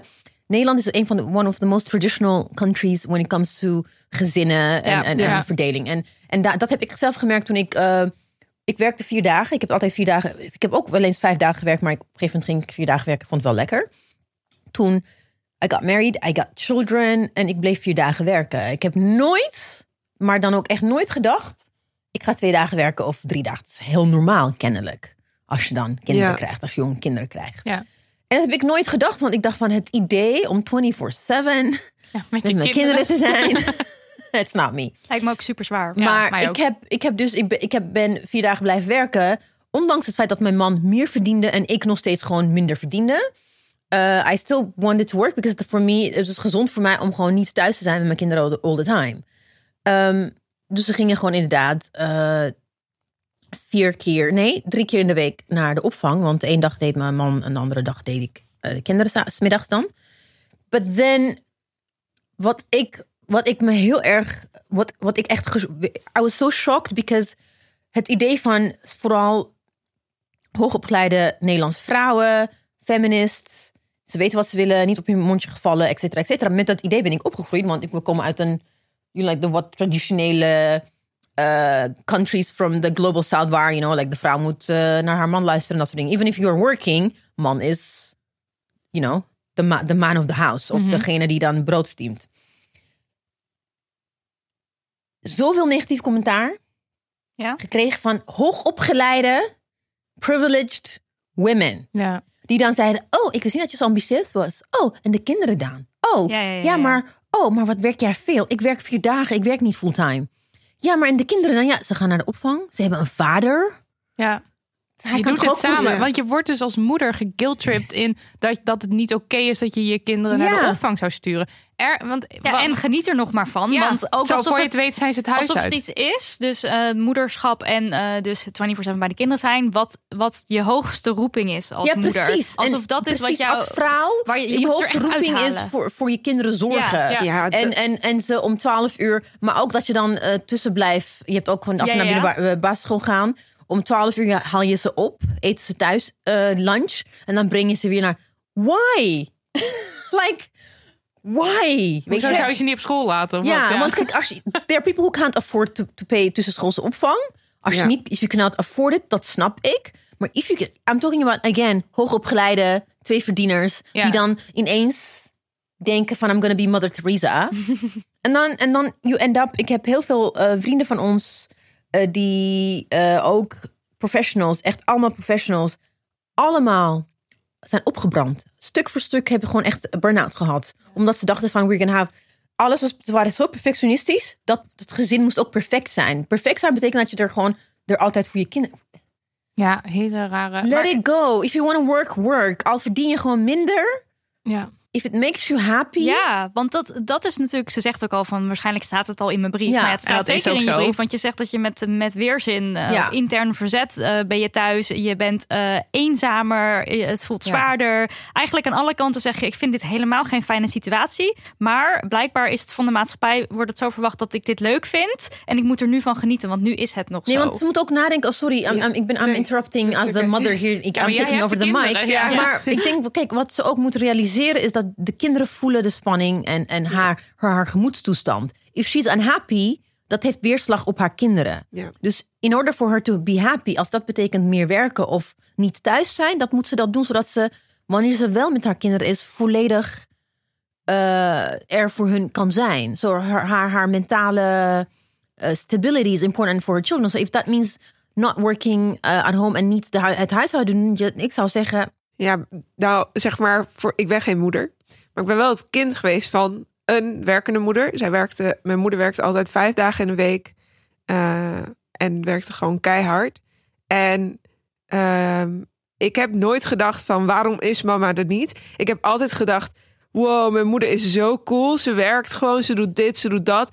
En eh, ik heb, ja, dus zeg maar, ik zou me niet schuldig voelen over mijn kinderen bij de opvang laten. Want daar leert ze overigens ook allemaal andere dingen. En het is ook een rolmodel wat je bent. Want je kinderen kijken dan naar je en denken: Mijn moeder is echt cool, want ze doet wat zij wil. Overigens, als je heel graag thuis wil zitten, Ja. als je heel Ja, graag zeggen. moederschap aan wil gaan, dan is dat net zo feministisch als En dan vijf kan dagen je in ook de een week mooi werken. rolmodel zijn. Maar het gaat Klopt, er meer om van tegen je zin in iets Ja, doen. Is ja. niet per se natuurlijk dat wat je mee wil geven aan je kinderen. En je straalt het dan ook uit. Als je, als je met plezier werkt, straal je dat uit. En als je met plezier fulltime man bent, dan je straal je dat dat, ook ook uit. uit, ja. dat, dat hebben, wat jij zegt, de kinderen voelen de spanning ook. Maar wat ik wel dus, want in de brief schrijft ze dan, eh, ja, mijn, eh, mijn vriend, mijn man zegt dan, als je meer wil werken, dan doe je de kinderen toch naar de opvang. En ergens denk ik ook, zou, zou hij dan niet ook weten dat als je die opmerking maakt, dat dan het schuldgevoel inkikt en dat hij Ja. gewoon gebruik maakt van, eh, Ja. dat gaat ze toch niet doen. Maar ik, ja, ik Could heb be. dat gevoel erbij, Maar maar, dat ik weet ja. niet of dat zo is. Misschien is het ook onbewust, want hij zit natuurlijk ook in die genderpatronen. Het is hem ook natuurlijk aangeleerd hoe het in elkaar zit. En net zo goed als dat wij dat allemaal hebben en het allemaal even moeten afleren om te voldoen aan de norm die van je wordt verwacht. Kijk, het ding is, zij moet gewoon heel goed voor zichzelf gaan nadenken. Waar voelt zij zich het prettigst Ja, bij? Ja. En dan een oplossing zoeken samen met haar partner. En Ja. niet dat Ja. haar partner denkt, ehm, nou ja, los jij oh, het maar dan op. ga je toch even, Ja. dan gooi je ze toch op de opvang. Want het is inderdaad, je moet samen die beslissing maken. Dus je, Mhm, je hebt dat precies. gesprek nodig met elkaar. En, en zij moet zeggen, ik voel me ongelukkig. En hij moet dan zeggen, oké, dan gaan we een oplossing bedenken. Ja. Met z'n tweeën. En als zij zich dus schuldig voelt over naar de opvang doen, dan moet het gesprek opengegooid worden van waarom ga jij niet een dag minder werken? Of eh, hoe kunnen we dat schuldgevoel, schuldgevoel wegwerken? Ja, en dat- samen. dan moet hij dat inderdaad Ja, serieus nemen. En niet precies. een soort van, nou ja, dan niet.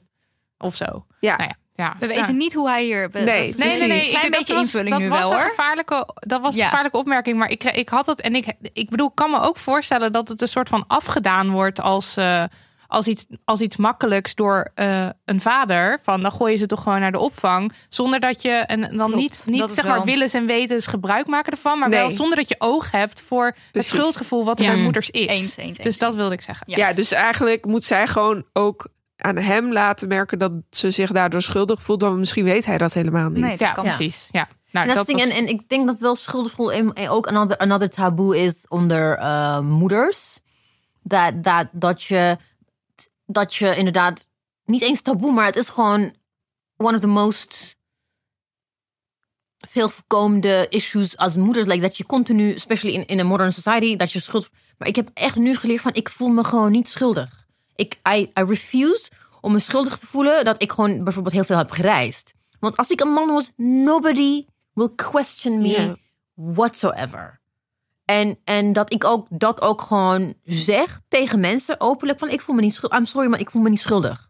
Sorry dat ik het niet die... Sorry dat ik niet aan jouw plaatje voldoe Ja, van een vrouw I, I, I, cannot feel guilty for the fact that I had to travel for work. En, ik heb ook het geluk natuurlijk dat mijn kinderen wat ouder zijn. Ze zijn niet heel klein, ze zijn niet vijf of zes of zeven. So they can manage, they can manage without me. We facetimen, we appen, we sturen video's naar elkaar toe. Ik mis, I miss, the moment I leave the country, ik mis ze. Ik bedoel, ik wil echt gewoon weer terug zijn, maar...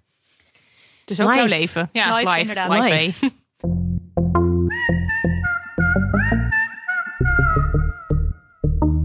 Ja, ja, lieve mensen, we hebben een nieuwe sponsor. Het is Pabo by Beate Oeze. Babo.nl is de online erotiekwinkel van Nederland en daarbuiten. Toys, lingerie en kleding, drogisterijartikelen, ze hebben het allemaal. En je kunt er terecht voor advies bij de in-house seksuoloog of lees het online magazine. Babo bij Beate Oeze is er voor iedereen. Misschien sta je nog aan de wieg van je seksuele awakening en heb je gewoon zin om voor het eerst te experimenteren met noem eens wat, een vibrerend ei of een flat massageolie. Wat was eigenlijk jouw eerste ervaring? Mijn eerste ervaring was uh, een, een een soort super beginners eh, vibrator. Het was een soort eh, een trillend, dun trillend staafje met een bolletje erop voor mijn G-spot. Maar die G-spot heb ik dus eigenlijk nooit gelokaliseerd. Ik heb het niet gevonden. en dat ding dat ligt nog steeds in de hondenbroekela. Met al die uitgebrande onderbroeken. Maar Ja, all, the, precies, en die gaten. all, all these things promise that you're gonna find it. Echt Ja, oneerlijk. dat is- is Ja. toch gewoon oneerlijk? Ja, Eigenlijk moeten we allemaal massaal consumentenbond gewoon... eh, Maar even afgezien daarvan. Nidia, wat was jouw eerste ding? Nou, speeltjes, dat is echt iets nieuws. Dat is vast van de laatste paar jaar. Eh, maar ik ben wel altijd fan geweest van hete eh, sekspakken. Met eh, kant en hoog uitgesneden en laag uitgesneden ook. En een gat hier en daar, je kent het wel. Dus eh, ja, ja. Nou, kleding en lingerie valt het dan onder. Hè? even terug naar pabo.nl. Je kunt er ook terecht als je de klappen van de zweep wel kent en op zoek bent naar noem eens wat, een gagbal of een bondagetouw. Uiteraard. Discreet verzonden, ja. Dat moeten we even erbij zeggen. En nog snel ook. Met de promocode DAMHONEY10 krijg je 10% korting als je bestelling boven de 50 euro uitkomt. Dat is in cijfers eh, de 10, dus Damn Honey 1-0. Op pabo.nl. Pabo.nl.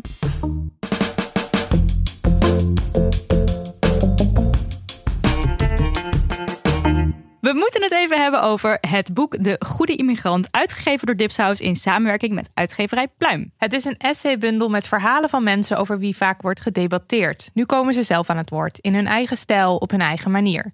Over de bagage die een migratieachtergrond met zich meebrengt. Heimwee, trauma, ontworteling en het eeuwige onbereikbare erbij willen horen. ABC is een van de samenstellers en Mostes schreef zelf een bijdrage. Ehm, ABC, zou jij kunnen uitleggen eerst eventjes wat, wat, Dipsaus doet en is als multimediaal platform? Eh, ja, we begonnen. Dipsaus is dus de podcast voor en door vrouwen van kleur. En iedereen die geïnteresseerd is in een ander geluid. Anusha zegt het beter dan I do. Ja, zij, zij zegt het echt heel nonchalant. Ja, en dan maar denk ik, zij- oh ja, nou, ik ben weer bij Dipsaus. ze heeft twintig jaar eh, radio, tv, eh, plank, op de plank gestaan. Ze is actrice, dus she knows what she's doing. Ehm, Oké, ja, dus terug naar mijn antwoord. We begonnen vier jaar geleden als een podcast, maar eigenlijk vanaf dag één hadden we alle eh, tegen elkaar gezegd van when the time comes, we're going to be more than just eh, een podcast. Ja, world gewoon- domination was Ja, eigenlijk altijd dat- al het doel. de- het doel is altijd de world domination geweest. Kleine stapjes. Precies. En eh, dus ook online publiceren van gewoon verhalen, essays, voor- vooral non-fictie. Want wilden we gewoon heel graag doen, omdat wij vooral in die tijd, vier, vijf jaar geleden, je moest maar, eh, als je bijvoorbeeld een, een opiniestuk wil schrijven of een of een artikel, je, je, je was overgeleverd aan de grillen van redacties, witte redacties. Of het nou online ehm platforms zijn of, of, of eh, kranten je krijgt heel vaak nee, of het past niet, of iemand anders heeft daar al, al over geschreven, of je hebt maar 500 woorden. Dus we always wanted to give that platform to people die dan lange essays willen schrijven over van alles en nog wat. Ehm, maar ook niet, het ook, how do you say it, Ehm, een, een, een, een playground voor mensen die meer cultuurkritiek willen eh, schrijven. Dus cultuurkritiek in de zin van lange essays about like, maatschappelijk belang- eh, belangrijke onderwerpen. Of gewoon bijvoorbeeld boekenrecensies. Ik hou van lange, Lange stukken. 3000 woorden besteden aan een boek. Aan een, recensie van een boek of een film of whatever. En dat zijn wij twee jaar later begonnen. 2016 was de podcast. 2018 zijn we met een online platform begonnen. En waaronder Mosje heeft ook eh, voor ons dingen gedaan. Echt een geweldige bespreking van uh, Handmaid's Tale heeft eh, geschreven. Toen was ik echt meteen op slag verliefd. Gewoon van, who's this woman? Ze moet vaker dingen doen, weet je wel. En eh, daarnaast wilde Mariam, omdat zij eh, opgeleid werd, heel snel opgeleid werd door Anne Jansen, Dag en Nacht Media, woehoe, om eh, op te nemen. En she's a sound technician. Wilde ze ook gewoon podcasts maken zelf, andere podcasts Ja, produceren. produceren. Dus dat heeft zij dan weer opgepakt. We, we hebben Fundados gelanceerd, nu Spectrum. Ze heeft ook gewoon betaalde jobs. Dat ze gewoon andere podcasts ook heeft ontwikkeld. Van Maria Louise, voor example. Heeft ze ook eh, geproduceerd. En het was natuurlijk vanzelfsprekend dat wij ook gewoon boeken gingen maken. Want ik heb samen met Anousha Hallo Witte Mens gemaakt. Hallo Witte Mens is haar boek. Maar ik ben haar redacteur bij Amsterdam University Press. Dus Oh, het was kind of happen at some point. We were talking about books. En Anousha's volgende boek. En Anousha zei van waarom doen we het niet, gewoon niet zelf? ja, het maakt ook gewoon sens Ja. dat, je, dat je alle media kanalen pakt. Dus toen hebben wij gewoon eh, met verschillende uitgeverijen gepraat. Ook andere platforms, ook andere tijdschriften, magazines. En zijn we uitgekomen bij uitgeverij Pluim. Het klik was er gewoon meteen. Het was gewoon een no-nonsense. eh, we denken hetzelfde over wat er nodig is eh, in het ehm, uitgeeflandschap. So let's do this. Het was geen mits en maren en haken en ogen aan de samenwerking. Dus het is vrij ehm, vlot gegaan. En fast forward two years later en we hebben ons allereerste boekje. Yes. The Good Immigrant. Zo Ja. is het. eh, Want als je eh, de uitgeverijenwereld of de boekenwereld ook, Morster, als je dat moet schetsen, hoe dat er nu uitziet, kan je dat... Eén woord. Eén woord. Wit. Ja.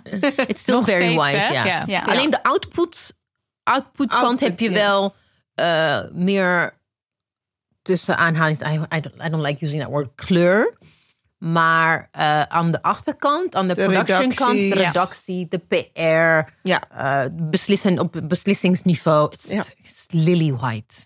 Maar niet Mhm. alleen in terms of eh, alleen, en- en- alleen race, maar ook echt dat gedachte. Ja. Uitgangspunt, perspectief is gewoon super wit. Ja, want er zijn natuurlijk eh, witte mensen die al veel meer het, het, het gedachtegoed hebben omarmd van inclusief zijn en dat ook eh, da- daarmee bezig zijn.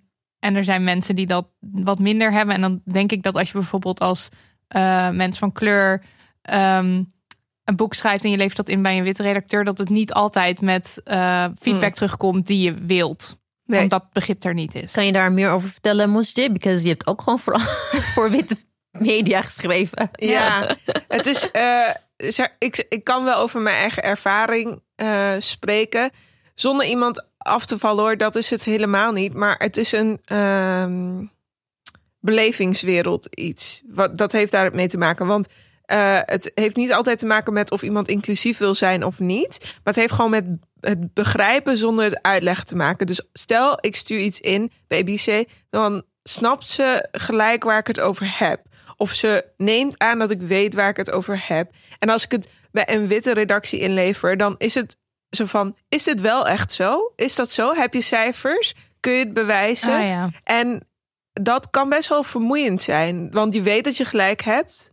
En waarom moet je altijd gewoon hier zijn de grafieken en de weet ik veel wat, ehm, de bewijsstukken aanleveren, zeg maar. Dat is een heel groot verschil, want ook al wil iemand die die belevingswereld niet heeft eh, inclusief zijn, slagen ze er niet altijd automatisch in of zo. Het is wel echt hard werken voor, ook voor mij hoor. Ik bedoel, voor iedereen. Eh, ik weet bijvoorbeeld, ik, ik heb geen disability, maar dan moet ik extra hard mijn best te doen om te begrijpen hoe het is om die beleving te hebben. Dus het is gewoon lastig als je niet die beleving hebt. Ja, en dat, En- dat, dat je dus niet met soort van sceptisch wordt. Want dat ervaar je dan waarschijnlijk met een, Ja. met een witte redactie. Dat er een soort van sceptisch is en wantrouwen soms. En dat was ook eh, Gia, Gia Mhm. Tolentino bij eh Anousha Ja. in gesprekken. Ja. Die, die vertelde dat ook. En dat was volgens mij voor ons allebei toen nog best een eye-opener. ik vond dat echt. Toen dacht Zo ik, van, oh, oh, ja, tuurlijk, natuurlijk. al die witte redacteuren. Dan kan je misschien wel als persoon van kleur een boek schrijven. Maar dat, dat is dan toch weer een hele andere beleving. Nou ja, dat is... Ja, en ook dat ding. En ik denk dat ook als, als, als schrijver van kleur. Ga je je ook anders verhouden tot een witte redacteur dan Ja. tot een niet-witte redacteur. Je gaat je alvast al indekken van: oké, Ja. ik moet het op zo'n manier mijn, mijn vraag formuleren. eh, of op, op, op een bepaalde manier reageren, zodat Ja. ik niet. eh, tot- je wil niet dat mensen in hun reflexen schieten, maar je bent ook als schrijver afhankelijk van redacties. Dus je, jij, gaat, jij bent degene die je altijd gaat inbinden. Of je nou wit bent of niet, sowieso. Als schrijver ben je overgeleverd, nogmaals, aan de grillen van de uitgever. Mhm. Of het nou een online platform is of echt fysiek boek. Jij bent overgeleverd aan het medium. Zij hebben de macht om jou wel of niet te publiceren. Ja. Dus hoe jij je, verhaal, hoe, hoe jij je dus als schrijver van eh Damhani verhoudt tot een uitgever. If you're a person of color and spe- specifically a woman of color and black women, dan, dan al die andere dingen komen er echt bovenop. En it's really, really, really painful eh, om, om ermee te dealen. En ik heb zelfs gewoon met een aantal mensen die, eh, zwarte vrouwen die voor Volkskrant, eh, de correspondent, NRC schreven, die dan they are commissioned to write something, an essay and whatever, krijgen ze feedback terug, weten ze niet hoe ze op die feedback, ze zijn boos, ze weten niet hoe ze erop moeten reageren. Dus ik krijg een mail van iemand, hoe moet ik antwoord formuleren aan een andere redactie? Ik heb, ik, ik help mensen, ik heb dat ook gedaan, dus ik weet hoe dat werkt. En het kan best wel heftig zijn, because you don't wanna, je wil gewoon opnieuw gevraagd worden Ja, het om zijn ja. een stuk te scheve schrijven. machtsverhoudingen. Ja. Ja, ik weet zeker dat als ik een, eh, een heel kritisch stuk schrijf. Kijk, als ik het naar Dip zou, zou sturen, dan, dan ga ik me niet inhouden. Sterker nog, dan gaat Ebice zeggen: je mag wel scherper Zeg zijn. maar aan. Ja. Ja. En, en als ik hetzelfde stuk zou ik zoveel meer nuance proberen te brengen. En al van tevoren met de gedachte van: shit, straks willen ze het niet publiceren als ik te scherp ben. Hmm. Dat gevoel. Ja. En dat is dan nog los van dat er ook nog eens meer commentaar komt op Ja. nou ja, mensen van kleur, vrouwen van kleur eh, online. Als je vervolgens als columnist of nou ja, Ja. een, een Ja. opinie of iets. eh Ja. Ja, dus dan is het wel Maar- extra prettig als je je gewoon safe voelt daar waar, je je uit, waar het uitgegeven wordt. Zodat je weet, oké, de redactie heeft in ieder geval mijn back. En nu heeft Tipshuis dus. Ja, en ook De dat ding. Dat ding. Maar ook bijvoorbeeld een van de, een van de stukken van Carwan eh, is echt een heel complex, cryptisch bijna stuk. Wat hij geschreven heeft. Eerste lezing, I did not understand everything. Maar ik, I knew what he was trying to do. Dus ik heb niet gezegd van ik begrijp het niet. Heb ik niet gedaan. Want ik dacht van he's trying to do something. I don't have to understand it ook. Ik hoef ook niet alles te weten Ja. dat, dat, dat recht op transparency wat van mensen van kleur wordt geëist. Eigenlijk, jij moet mij uitleggen wat jij bedoelt. Dat is eigenlijk de onderliggende, ehm, een, een soort, soort het rode draad in, in, in, in publishing. Of het nou boeken zijn of artikelen of, of columns. Je moet uitleggen. Ik moet, Ja. ik moet de, de witte neutrale lezer moet het begrijpen. Waarom? Ja, Hoezo? want dat is dan de norm. Je en publiek is blijkbaar altijd de witte. Vanuit Ja. de redactie gezien is jouw publiek altijd een witte Ja. lezer. Ja. Ja, dus als je iets cryptisch schrijft of iets, die, iets dat it's poëtisch, it's, it's like I cannot grasp it completely, maar it's very powerful. En ik denk van het moet gewoon als, als het, eh, als het eh, stilistisch klopt en, en de narrative en de plot, dan weet je, dan gaan we het gewoon publiceren. Ik hoef, niet, ik hoef niet alles te snappen. Hier, ik, ik moet nu ook denken aan, wij lopen er, of we lopen er niet tegenaan. We hebben dat ook wel eens als we het bijvoorbeeld eh, in ons boek hebben over black hair.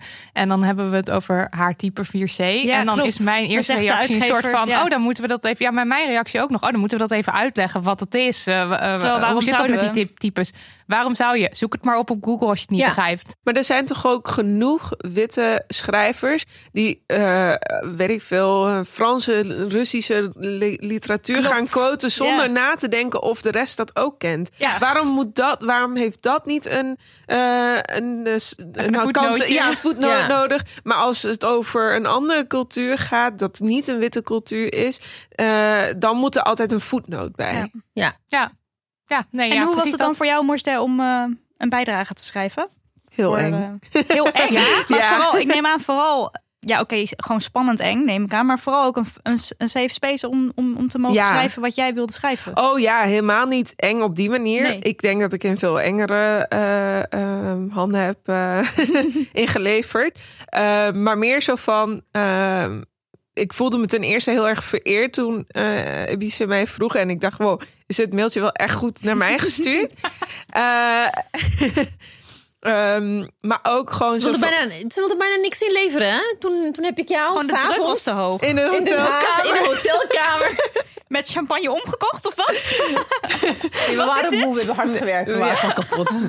Nee, toen heeft ze me eh, eh, dus uitgelegd dat het wel echt terecht was dat ik gevraagd was. En, en, eh, want ik had echt zo mijn twijfels van, nou, eh, ik heb het ingeleverd, maar ik had het dus toen al ingeleverd. En ik zei eh, tegen haar van, nou, ik weet niet wat jullie ervan gaan vinden. Het is echt niet mijn beste werk. En gewoon heel erg indekken in de zin van, ehm, ja, beetje dat imposter syndroom van, klopt het wel dat ik gepubliceerd word? Is, the, is this really happening, zeg maar. en Ebice zo, ja, ja, ja. Ja. ja, het is echt wel zo. En sterker nog, Ebice zegt altijd tegen mij, schrijf meer, schrijf meer. Ja, maar ook de thing is also because uh, omdat het mensen hebben hier een opdracht gekregen. Het gaat, uh, het ging over The Good Immigrant. It's it's it's an ironic title. En um, en omdat men opdra die opdracht kreeg, we zijn het voor, voornamelijk best wel persoonlijke essays geworden. Ja, want wat precies was de. Um, ja, met, wat, wat, er op de achterkant staat. Uh, mag ik hem even? Tuurlijk, ja. Kan ik Marie, het even? even, even door. Ja. Hier, bijvoorbeeld, um, wanneer mag je jezelf Nederlander noemen? Mm -hmm. uh, is dat ook iets wat je echt wil? Mag je kritiek uh, op je nieuwe vaderland hebben? Mag je het debat bepalen? En wat is eigenlijk inderdaad ook gewoon mis met geluk zoeken? I mean, we are always looking for happiness. Dus dat zijn de vragen van, kunnen jullie aan de hand van deze vraag gewoon een stuk inleveren? Ja. It could be anything. Heel vrij dus. Ja, het was heel vrij. Maar toch, daardoor ging iedereen wel echt een persoonlijk verhaal vertellen. En, en dat was ook voor jou, omdat je het... Het was heel persoonlijk. The first version that you... Ja. Omdat het heel persoonlijk was, was het heel meanderend. Ja. En ik dacht van, maar je weet je, god damn it, sorry. I'm a Christian. Forgive me, Lord. Ik dacht echt van, Mosde, je kan... Ik weet gewoon dat er gewoon veel meer in jou zit. Dus ik heb haar opgebeld. Ik heb gezegd van, oké, okay, leuk, maar... Geef meer. Geef meer. Ja, en toen kreeg je meer. En het was in één keer goed. Ja, dus, gewoon. dat is echt bizar. Want er Ja, zijn in één keer nul goed. wijzigingen geweest in mijn tweede Ja. eh, versie. Eerste versie was alleen een feedback van... nee, dit is... ik weet dat je meer kan, geef me meer. en dat was dus... toen dacht ik, oké, oké. En waar zat er meer dan precies in? Nou, jij, jij zei tegen mij van... jij vergelijkt altijd alles met literatuur. Misschien helpt dat om een soort van eh, je verhaal in een, in een eh, vorm te gieten. En toen dacht ik eigenlijk, toen ik ophing met haar, dacht ik, oh ja, Alice in Wonderland. Ja. Dus dat is er later, was- is dat Ja. erbij gekomen. Ja, dat is zeg maar, en daar, en dan Kan je had trouwens, kan je anders kort vertellen wat, wat ongeveer, ik bedoel, mensen moeten het maar zelf gaan lezen, Ja. maar wat de insteek van jouw eh, bijdrage is? Mm, nou, toen ik de vragen zag, die zo- een soort van prompt waren om, eh, om te gaan schrijven, dacht ik, ik weet het al, ik ga over hybride identiteit praten. Omdat ik denk dat samen met mij, ik ben echt zeker niet de enige die dit heeft gevoeld. Zijn er heel veel andere mensen met migrantenachtergrond, eerste, tweede, derde generatie, maakt niet uit, ehm, die zich net niet Nederlander en net niet andere identiteit voelen. Dat soort van alsof je moet kiezen. Mhm. Maar ik heb eh, tijdens mijn studie door gewoon eh, literatuur, eh, essays en zo te lezen geleerd dat je helemaal niet hoeft te kiezen. Dat je gewoon alles en niks tegelijk kunt zijn. En ik wist al gelijk, dit is waar ik het over wil hebben. Want ik dacht, dat is iets wat ik ook aan andere mensen kan geven. Eh, ik wou dat ik zelf zoiets had gelezen toen ik jonger was. Mhm. Eh, niet dat ik heel oud ben of zo, maar gewoon nog jonger was dat ik dit had gelezen. Eh, dus eigenlijk was het een soort van: ik ga dit schrijven voor de, voor de kleine morstes out there. Ja. En toen ik het Alice in Wonderland erbij betrok, werd het gewoon meer dat ik aan de hand van verhalen kon uitleggen wat mijn verhaal was. En dat is iets wat ik gewoon. Het hielp mij als een soort van eh krukken om, Ja. om het verhaal te vertellen. En ook om het iets meer van mezelf weg te trekken, omdat het zo emotioneel was dat ik eigenlijk die eerste versie was een soort van: ik gooi het maar op Het is ook een papier. soort Ja. verwerking eigenlijk Ja. nog, terwijl je het eh, aan het schrijven bent. Maar je hebt dan wel die eerste versie, denk ik, nodig als een soort therapie Ja. of zo. Om dat dus op papier te zetten. En dan daarna om, om het in een soort, ja, in een duidelijker verhaal te gieten. Precies. En die hybride persoonlijkheid, of noem je dat Ja. hybride identiteit die je dan ervaart, ja, die komt ook wel echt in veel andere verhalen natuurlijk ook naar voren. ja. En als je, als je daar meerdere van die verhalen van leest, dan, dan dringt het ook echt. Ik, weet- ik kan me dus, want ik, ik als wit mens had al, had, vond het raakte het, het me al, maar ik kan me dus voorstellen als je dat verhaal nooit hoort, of nooit hebt gelezen, of nooit hebt gezien, als iemand met. terwijl je het zelf leeft. ja, terwijl je het zelf Ja. leeft. Maar, en je hebt dat gevoel wel, maar je ziet het niet om je heen. Of je leest het niet om je heen. Als je dat dan nu in dit boek leest, dat dat heel veel met je doet. ja. Hebben jullie veel reacties gehad? Eh, Ik heb heel veel reacties gehad. Ik, eh, ik had het helemaal niet verwacht. Ik, nou ja, ik weet niet. Jullie herkennen dat vast wel. Maar als je voor het eerst gepubliceerd wordt, dan is het heel vaak dat het gewoon ergens verdwijnt. En misschien leest één of twee van je vrienden het en dan hè, is het leuk wat je hebt gedaan. Of je, ja. Maar dit was echt. Ik heb zoveel mensen gehad die mij gewoon een berichtje hebben gestuurd. Die ik wel of niet kende. En die hebben gezegd van. Wow, ik herken me hierin. Wat een, eh, wat een mooi stuk heb je geschreven. Of wat fijn dat, dat dit bestaat nu. En niet alleen over mijn stuk, maar ook over het geheel. Van dit is zoiets bijzonders voor heel veel van ons die zich niet ehm, gerepresenteerd hebben gevoeld in, in literatuur of in eh, media. En ik denk dat dat, ik bedoel, er is heel veel. Dit is niet het eerste boek waarin je representatie in terug kunt vinden, maar het is gewoon zo weinig dat elk kleine beetje voelt alsof je een glas water in de woestijn hebt gedronken. Ja. Jij als mega boekenfan, toen je heel jong was, hield je al heel erg van lezen.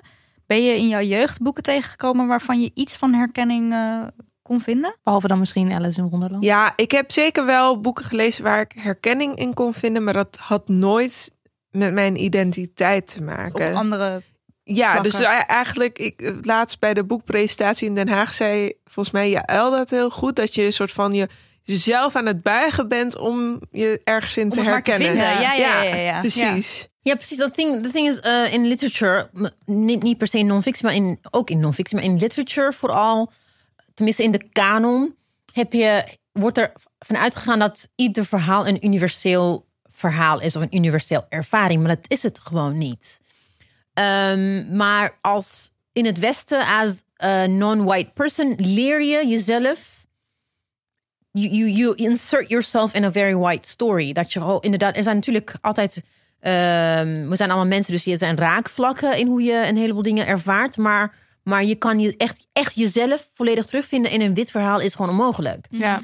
So you learn to be J.D. Salinger, hoe heet het? The Catcher in the Rye, weet je? Uh, you learn to be, noem maar op. Maar dat boek dat je dan leest, the first book that you read, waarin je van, hey, dit gaat over mij, Ja. is, is dat doet iets- iets met je. En voor mij was dat when I started read, when the first time I read, uh, omdat ik daarvoor, ik weet niet waarom al die andere dingen niet heb gelezen. Uh, toen ik ehm Zadie Smith uh, White Teeth Oh ja. las. Terwijl het achteraf, als ik het nog één keer lees, best wel een problematisch boek. Uh, but still, Zadie, I love you. Ehm, daarin dacht ik van, hé, oké, het gaat over multicultural London. En it could be multicultural Amsterdam. Dus die, die kan je makkelijker inleven Ja. dan, dan any other book that I read. En dat is gewoon heel erg belangrijk voor, especially coming of age. In je tienerjaren eh, het is belangrijk om, om, om verhalen te hebben die, die dicht bij jou zijn, zodat je het kan vormen en niet, eh hoe je het, verdwaald voelt of, of eenzaam voelt. Voor, voor mij was het echt zoveel later dan dat. Ja. Want ik heb ook Engelse literatuur gestudeerd. En pas bij mijn master, ik, ik geloof dat we in een, in een college zaten. En het ging over eh, poëzie. En iemand zei, maar waarom doen we alleen maar witte mannen? En dat was het moment dat ik echt, alsof iemand een glas brak. Weet je dat ik dacht, wat? Ja. Hè? Waar heb je het over? Is er iets anders? Ik heb nooit de moeite gedaan om het te zoeken. Ook Precies, omdat dat ik niet wist dat het. Ik heb er gewoon niet bij stilgestaan. Dit is hoe diep dat gaat. Ik heb er niet bij stilgestaan dat het mogelijk zou zijn. dat ik me- Iran, Rumi en, en, en, en Ami poëzie en... De, de maar dat was voor mij altijd. ja. Dat was voor mij altijd. Ja. Dat is in, in Iran. Ja. Dat is niet hier. Dat is niet wat. Want ik ben hier. Ja. Dus dat is niet iets waar ik het de gecombineerde eh, identiteit Ja. in kon vinden. Dus het was altijd van of het is echt helemaal Iraans, of het is eh, Brits, Amerikaans, Iers, noem het maar op. En toen iemand dat zei, dat ik dacht, oh, wacht, wat? Huh? En toen heb ik een bundel gevonden met allemaal korte verhalen eh, van Iraans-Amerikaanse mensen. En toen dacht ik, oh my god, iemand schrijft Farsi hierin. Dit herken ik, dat herken ik, maar ik snap deze struggle. En toen dacht ik, net dit, waarom, waarom kom ik hier op mijn, weet ik veel, 25ste, 26ste pas achter dat dit bestaat? Hm. Dat gevoel, dat kun je niet Terwijl uitleggen. het gewoon eigenlijk, zelfs in Nederland, I mean, in middelbare school, maar dat ding, omdat het niet misschien, ik weet niet hoe het zit met eh, leeslijsten. Natuurlijk heb je migrantenliteratuur al sinds de jaren tachtig, maar het is niet the norm. It hasn't been normalized in that sense. Waardoor je gewoon, het is incidenteel en you have to be lucky of je een leraar of lerares of een juf heeft die dat voorschrijft. If not, then je komt er niet vanzelf. Achter De- dat het bestaat. Ja. Dus je moet dan echt zoveel motivatie uit, uit Ja. jezelf al Ja. hebben en daarnaar op zoek gaan en het dan. En ook, thing vinden. is also, I mean, eh, ik, ik, de goede immigrant, sorry, I'm interrupting, maar it's, niet, it's not the first book of its kind in Nederland, in het Nederlands. Er zijn, eh, hoe heet die, eh, Robert Vuijsje Vuijsje, heeft eh, twee, twee, twee boeken, inmiddels twee bundels van al zijn interviews eh, gepubliceerd. Boris, volgens mij Boris van der Ham, die deze ex-politicus, heeft ook een interview met eh, mensen van eh islami- met islamitische achtergrond, heeft hij geïnterviewd, ook about hetzelfde thematiek, maar door en voor. Ja. Ja, want het is toch nu anders. het dus door een wit mens Ja. dat mensen met een Twee witte mannen die ja, dan. Ja, Da- en en Ja. dan wordt het alsnog opgeschreven vanuit Ja. hun perspectief. Ja. Terwijl nu is het echt verteld. En, en zij zijn een soort van de doorgeefluik tussen de, Ja. de Ja. other en whiteness. ja. Ja. Ja. En dat doorgeefluik, dus dat vertalen naar, moest gewoon even weg. Want dit boek is echt gewoon we're having conversation with each other. ja. En ook met Nederland, maar dat is het ook. En ik, wat ik ook echt heel vaak zeg, is dat als je ook kijkt naar het succes, het feit dat jullie het gewoon, we hebben het hier eh, met jullie hierover. Het idee dat witte Nederlanders het niet kunnen snappen of er niet klaar voor zijn, vind ik ook een soort laziness. Het is also gatekeeping van uitgevers en redacties. Dat ze bang zijn om het anders te doen omdat ze het gewoon niet kunnen. Of misschien niet de skills hebben. Want mensen lezen het gewoon graag en we krijgen heel veel leuke feedback. Dus Ja. maar je moet ook niet je, je lezers onderschatten. Of Nee, denken precies. dat ze niet slim genoeg zijn om, om complexe dingen te snappen. Dat is gewoon Of het echt- niet willen. Dat Of denken willen. uitgevers soms ook. Dat, dat, dat, Such dat andere bullshit. mensen dat niet willen lezen. Maar if it's out there, they're gonna Ja, read en it. als je het op de juiste manier eh, onder de aandacht brengt, they're gonna read it. Want eh Zadie Smith boeken zijn wel bestsellers. Ja. Colson Whitehead is wel een bestseller. Ja. Dat is ver weg is dan. Het is een heel andere wereld wat, waarin hij, wat hij schetst. Maar dit is moeilijk. Het is gewoon echt laziness. Ja, het is invullen voor, Ja. je, voor je publiek, Ja. maar dat klopt helemaal niet. Hey, en, en, eh, want de Goede Immigrant, jullie, dit, dit is nu uitgegeven met de Nederlandse context, maar het is een boek wat in, eh in Engeland het Verenigd eerst. Koninkrijk en in de Verenigde Staten ook al is uitgegeven. Ja. hè? En dan is het dus door mensen verteld die dan eh, in het Verenigd Koninkrijk wonen en dan daar, vandaar, daar naartoe zijn Ja, ja, geëmigreerd. Of tweede, derde generatie ook. Eigenlijk hetzelfde, maar dan UK, US. Ja, Ja, en dan is er, is er een groot verschil tussen de verhalen die je leest in The Good Immigrants en hier. Ja, ik vind wel dat er een verschil is, omdat als je kijkt naar eh, wat, wat de. eh kijk naar de, how do you say it? De, de, de people, de selectie, maar vooral die van Amerika, is zijn allemaal pub- bekende publicisten. Almost all of them, in, die van Amerikaans zijn gewoon mensen die broodschrijvers of mensen die gaan schrijven. Of eh, people in the creative sector. Hetzelfde met de UK. UK is nog wel een beetje meer eh, diverser in de, zin, in de zin van je hebt ook mensen like een art of een theater somebody. Dus verschillende mensen. Maar ik vond het niet inter- intersectioneel. En, wat het anders maakt, ja, wat, wat, wat het anders maakt, is dat we probeerden echt gewoon mensen uit alle lagen van de bevolking en ook Mm. het generatieverschil te vertegenwoordigen. Want het ging ons niet om de literaire merits, maar de meerstemmigheid. ja. Eh, was gewoon voor ons belangrijk. Waardoor de verhalen ook allerlei Ja, verschillende eh, dingen belichten. Ja, Wat ik ook heel interessant en ook gewoon leuk vond eraan om te lezen. Dat je allemaal Ja. verschillende takes erop hebt. Ja. ja, Want het ene essay is misschien wat meer, ehm, ja, hoe zeg je dat? Wat meer ehm, ja, literair of wat meer, wat moeilijker, zeg maar. De Ja. andere essay gaat misschien weer over lichaamshaar en is makkelijker te lezen, Ja. maar resoneert dan weer wel dat je dan, Ja. nou Ja. Dus dat is, eh, maar dat is echt gelukt. Ik ben Gelukt, blij dat ja. I mean, we hebben ons best gedaan en het is gewoon gelukt. I mean, it's not perfect. Could have been even better. Maar ja, weet je. En hoe ga je dan op zoek naar auteurs? Als je dan denkt, oké, we gaan dit boek doen. Community. het is gewoon. we, eh, ik, heb samen, ik heb dit samen met Sayonara gedaan. We wilden dit boek eigenlijk al drie, vier jaar geleden uitgeven. Eh, ik dacht van als we het niet zelf kunnen doen bij mijn voormalige werkgever, dan doen we het via chaos. We hadden allerlei plannen bedacht, but then life happens. Maar we hadden een soort van eh, longlist gemaakt van namen. Eh, ik heb ook eh, Anousha en ehm Mariam om input gevraagd. En we hebben gewoon echt om ons heen gekeken van wie moeten we hebben. En we hebben eigenlijk iets van 45 mensen benaderd uiteindelijk. En het zijn er 23, toch? Ja, uiteindelijk zijn het 23 geworden, maar omdat heel veel mensen of niet reageerden of niet konden, of de deadline niet konden halen.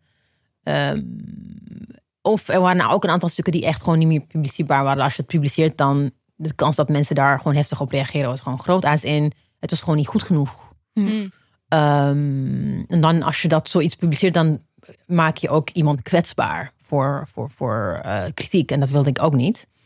Dus uiteindelijk zijn het er inderdaad 23 geworden. Maar we hebben echt meer dan eh, ja, 45, 46 mensen benaderd hiervoor. Uiteindelijk toch de helft. I'm very happy with the result. It's En not perfect, but Is er een verhaal wat er voor jullie eh Ja, ik weet niet of jij dat wil eh, zeggen, ik, even. ik mag dat natuurlijk niet zeggen. Ik vind Nee. alles heel mooi. Het zijn allemaal even. Ja, ik, ik vond, kijk, ehm, de kijk, volgorde hebben we gewoon niet al te veel over nagedacht. Althans, ik hou niet van hiërarchieën. Maar ik heb wel, ik heb geopend met het boek van Quincy. Het boek, eh, Essay. het essay van Quincy, omdat hij als eerst de deadline haalde. Oh ja. Zijn- zijn- En dan word je beloond ook. ja, en uh, dus I started reading it. It's like one of his most personal essays that he's written. Uh, Quincy, dus Quincy Gario, Google him. Um, if you don't know. en hij, it's very personal, it's prachtig, it's heartbreaking.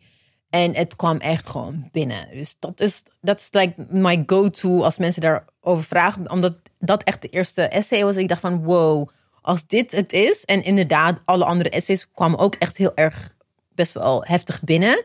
Ik, het was just, it was an emotional rollercoaster. Ja, dat eh, begrijp ik. echt, eh, het is een van de meest heftige bundels die ik ooit heb eh, geredigeerd. Ik, ik vond het heel moeilijk. It was very emotional, absolutely. Want bij, in alle verhalen herken je iets van jezelf of van mezelf. Of de dingen die dan mijn kinderen zullen meemaken. Of wat mijn ouders hebben meegemaakt. Of vrienden. Of familie. Dus it's very personal. It's very, het, is, het, is, het is niet ver weg. Het is echt gewoon Ja. it's my life. En dat is best eh, heftig. Daardoor reageerde ik ook echt best wel. Ik was like, uh, how do you say it, like a lioness. En, Ja. en die dan, die haar cub. aan het, want als, als mensen kritiek opleverden, reageerde ik gewoon heftig. Ja. Ik reageerde heftiger dan normaal. Nu ook als er kritiek op komt eh, online of zo. Oh nee, I don't give a shit. Nee, oké. Nee. Maar- kijk, en ik bedoel meer intern, bijvoorbeeld met ehm, feedback van eh persklaarmaker of whatever intern. Reage- merkte ik dat ik vrij heftiger reageerde dan dat ik op andere. Ja. Ik had echt van. Ik heb gelijk, do you understand how much pain people are writing this? Nee, maar het is. Kijk, it's painful Ja. voor me om te redigeren, maar zoiets opschrijven en weten dat het gepubliceerd wordt, dat iedereen het gaat lezen, het is emotionally Ja. best wel voor jou en voor alle anderen. Ja. Het is best het is moeilijk. Ja. En dan- denk ik van, maar eh, be nice, weet je? Dat is, ik was, ik was, maar wat er online eh, verschijnt, again, dit, in dit, met dit boek we're, we're having a conversation with each other. Dus wat andere mensen daarbuiten denken, het is mooi, het is leuk, maar als ze kritiek hebben, denk ik van, ja, weet je, dan, dan prima, leuk voor je. Het is maar- ook niet voor jou dan dus. Ja. Nee. Voor die persoon. Nee. En Ja, jij, Morste, heb jij een favoriet? Ik heb geen favoriet. Nou ja, favoriet is ook raar woord. Maar ehm, ik heb wel eentje waar ik echt door moest huilen. Ja. En dat was het stuk van Jaël. En ik heb Ja. helemaal geen problemen met haar. Ja. Echt nul. Ik heb niks. Ik heb gewoon Ja, met haar dan Oh. bedoel je lichaamshaar. Niet lichaamshaar. Ja, Even sorry. voor de mensen die... Ja, ja, ja, nee, Ja. Ik, heb, ik heb zelf niet zoveel lichaamshaar. Dus ik heb niet die struggles gehad. Eh, dat was het niet. Maar inderdaad, de pijn en gewoon die. Die Marieke-personage. Ja. Ik heb ook een Marieke-persoon, zeg maar, in mijn leven gehad. Marieke in dit verhaal is eh, in groep 7 gaat Jaël, moet Jaël gimmen. En ehm, eh, ze heeft de gymkleren niet bij zich. Want ze, ze, het concept gym is, dat weet, zij weet niet Kent wat het betekent. Ze weet niet dat ze gymkleren mee moet nemen. Eh, ze spreekt ook geen, nog geen Nederlands. Eh, dus dan moet ze in ondergoed gimmen. En dan is een Marieke een klasgenootje van haar die zegt... eh, jij hebt ook zo haar. Ja, En, dit, en dan vervolgens eh, eh, schetst Jaël eh, hoe dat verder in haar leven... hoe haar een, ehm, een lijn is in, in haar leven. Even voor de luisteraar die het nog niet Ja. gelezen heeft. precies. En, en ik denk dat heel veel mensen ook een soort van Marieke Ja. in hun leven hebben. Die gewoon een soort van wist waar de zere plekken waren. En Mhm. dan daar gewoon keer op keer drukken Ja. totdat je niet meer kan. Ja. En voor mij was dat dan geen haar, maar was het mijn gewicht, was het mijn intelligentie, was het, weet je, noem maar op. Ja. Maar het was altijd iets. En Ja. nou ja, dat, Echt, ik, ik, heb, ik moest ook in, dat is ook inderdaad een van de stukken die ik echt, waar ik echt ook van moest huilen. Because mijn dochter zat in groep 7 toen ik het las. Oh I ja. was thinking like, ik zie mijn dochter. Ik, ik I'm very much. Het, wat, wat je wil is dat je kinderen altijd gelukkig zijn en nooit verdriet hebben en niet that kind of verdriet. Dus ik kon me heel goed inleven in Jaëls eh belevingswereld op dat moment. I mean, knowing how young she was en dat ze zoiets heftigs moet meemaken. Ja, je wordt boos gewoon. Je, bent zo, je wordt boos op een tienjarig mei, Marieke, Ja. which is not fair. Want she's a product of her eh, omgeving, Ja. weet je wel? Maar dat vond ik ook inderdaad echt, echt, echt heel erg heftig. Dat bedoel ik met, het, het zijn ook mijn kinderen. Ja. That Ja. was, that was thinking of her story, where I was thinking like, dat ik ook echt, me- daardoor voed ik ook mijn kinderen op van, als iemand iets zegt, gewoon van je afbijten. En niet timide zijn. En, en, en dat ze ook gewoon, eh, gelukkig wonen we in Amsterdam, dus it's easier. Dat je niet eh, het, het enige anders uitzien persoon bent in de Mhm. klas. ja. But still, uh, I remember one day, I think it was last year. Nee, begin dit jaar. Ze kwam naar me toe en zei van... Mam, ik heb dikke lippen. Het valt mee. Ik zei van, hoezo? Ja, maar al mijn vriendinnen hebben geen dikke lippen. Ik heb wel gewoon dikke lippen. Ik zei van, ik zei van dat, dat zeggen ze nu. Over vier jaar willen ze allemaal jouw lippen hebben. Everybody wants the Kim Bring the Kardashian. the, the whatever Kylie Kardashian. Jenner uh, de zo. Kylie Jenner look. Dus ik dacht van, ja, weet je, embrace it. En tell, tell them, like, ik heb mooie lippen. Weet je, dat is, maar het feit dat ze al komen, like, mam, ik, Ja. ik, Ja. ik dacht, nee. Ja. Nee, Ja, gewoon. en dan ben je dus 10, 11. eh, Ja, ja. en, en, en eh, mijn eerste... eh, de, mijn eerste reflex is dat ik ga gewoon in de appgroep, in de eh ouders appgroep, ga ik zeggen van, willen jullie jullie kinderen even, weet je? En toen dacht ik van, nee, nee. dus het is heftig hoor. Het is Ja. very, jullie zijn ook allemaal tiener geweest. Maar het is ook zeg maar voor, ik bedoel, ik neem aan dat haar ouders ook nog niet eh, Nederlands spraken. Dan is het Ja. ook echt, zeg maar, ik heb dat, ik heb dat ook meegemaakt. Ik werd diktiet genoemd, Ja. eh, weet je. En eh, dan is het zo moeilijk om dat over Ja. te brengen op je ouders, wat er aan de hand is. En dan zeggen ze nee, het komt wel goed. Ja. En dan proberen ze je ehm, gerust te stellen. Maar het werkt niet, want het enige wat je dan als kind denkt is van, jij snapt het toch niet. Ja. Ja. ja. dat is het. Dat, ja, dat, ja. Ja, dat vond ik gewoon zo, ja, dat raakte me heel erg in ieder geval. ja, nee, ja, Gewoon- read it. Ja, read it. ja en, want er zit ook een verhaal in van eh, de moeder van Marianne. Ja. En dat is ook, want dat is dan weer iets, iets anders, omdat het dan eh, in de jaren zeventig, eh, dat, dat zij vertelt dat ze vanuit Marokko naar Nederland komt eh, als pasgetrouwde eh, jonge vrouw. Eh, en, en 15 jaar was Ja, 15, ja. En dat is dan ook, dat is dan weer iets, iets heel, maar omdat het dan vanuit de ik-persoon verteld wordt, komt het ook weer. Ja, Het is echt mooi. ja, en de struggles. ja. wat ze mee moest dealen. En, hoe- maar, maar ook hoe ze. Ze heeft er ook, you say it, eh, vrede mee. Ja, ja. Ja, dat, dat, dat, dat, merk je ook. En, en, en the fact that she, she knows like the next generation is gonna be fine. Dat, dat gevoel kreeg je ook eh, in Ja. dat stuk. dat vond ik wel heel knap. Want Ja. het was een heel hoopvol stuk. Ja, Zo van, eh, we moeten eh, allemaal elkaars kinderen eh, Ja. bij elkaar zetten. Ja. En, en, Iedereen moet samenwerken en we precies. moeten Ja, samenleven. En dat Ja. gevoel heb ik helemaal Ja. niet. Als, eh, ja. Dat is wel echt ook een generatieverschil misschien. Of ook gewoon de tijden waarin we leven. Maar Ja. dat hoopvolle, dat, dat vond ik zo mooi om te zien. En misschien... Omdat ze denk ik het verschil ziet van waar ze was en wat er Ja. nu is, denk ik. I think she can see like the. The, the, er is wel vooruitgang geboekt. Maar misschien niet zoals wij het willen. Maar voor haar ziet ze duidelijk verschil tussen toen en nu. Ja. Dus ik denk dat ze dat daardoor gewoon eh, hoopvol, hoopvoller is dan wij. ja, ze heeft meer meta-overzichten Ja. van... Ja. ja.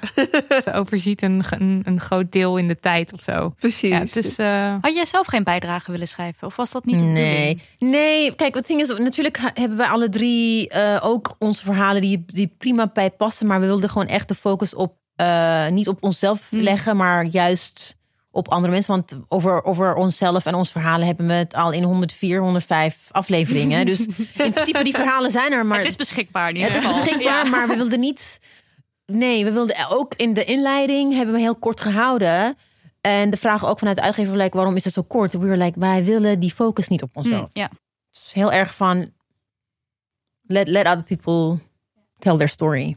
We kregen een, een vraag van een luisteraar die ik wel leuk vond. En dat is, waar voelt het voor jullie het meest als thuiskomen? En dan tussen haakjes onder liefst voor jullie allemaal.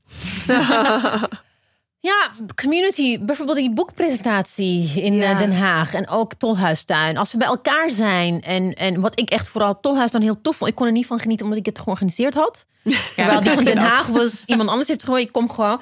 Maar op een gegeven moment was de eerste boekpresentatie en de meeste auteurs die er waren, ze kwamen en ik zag ze.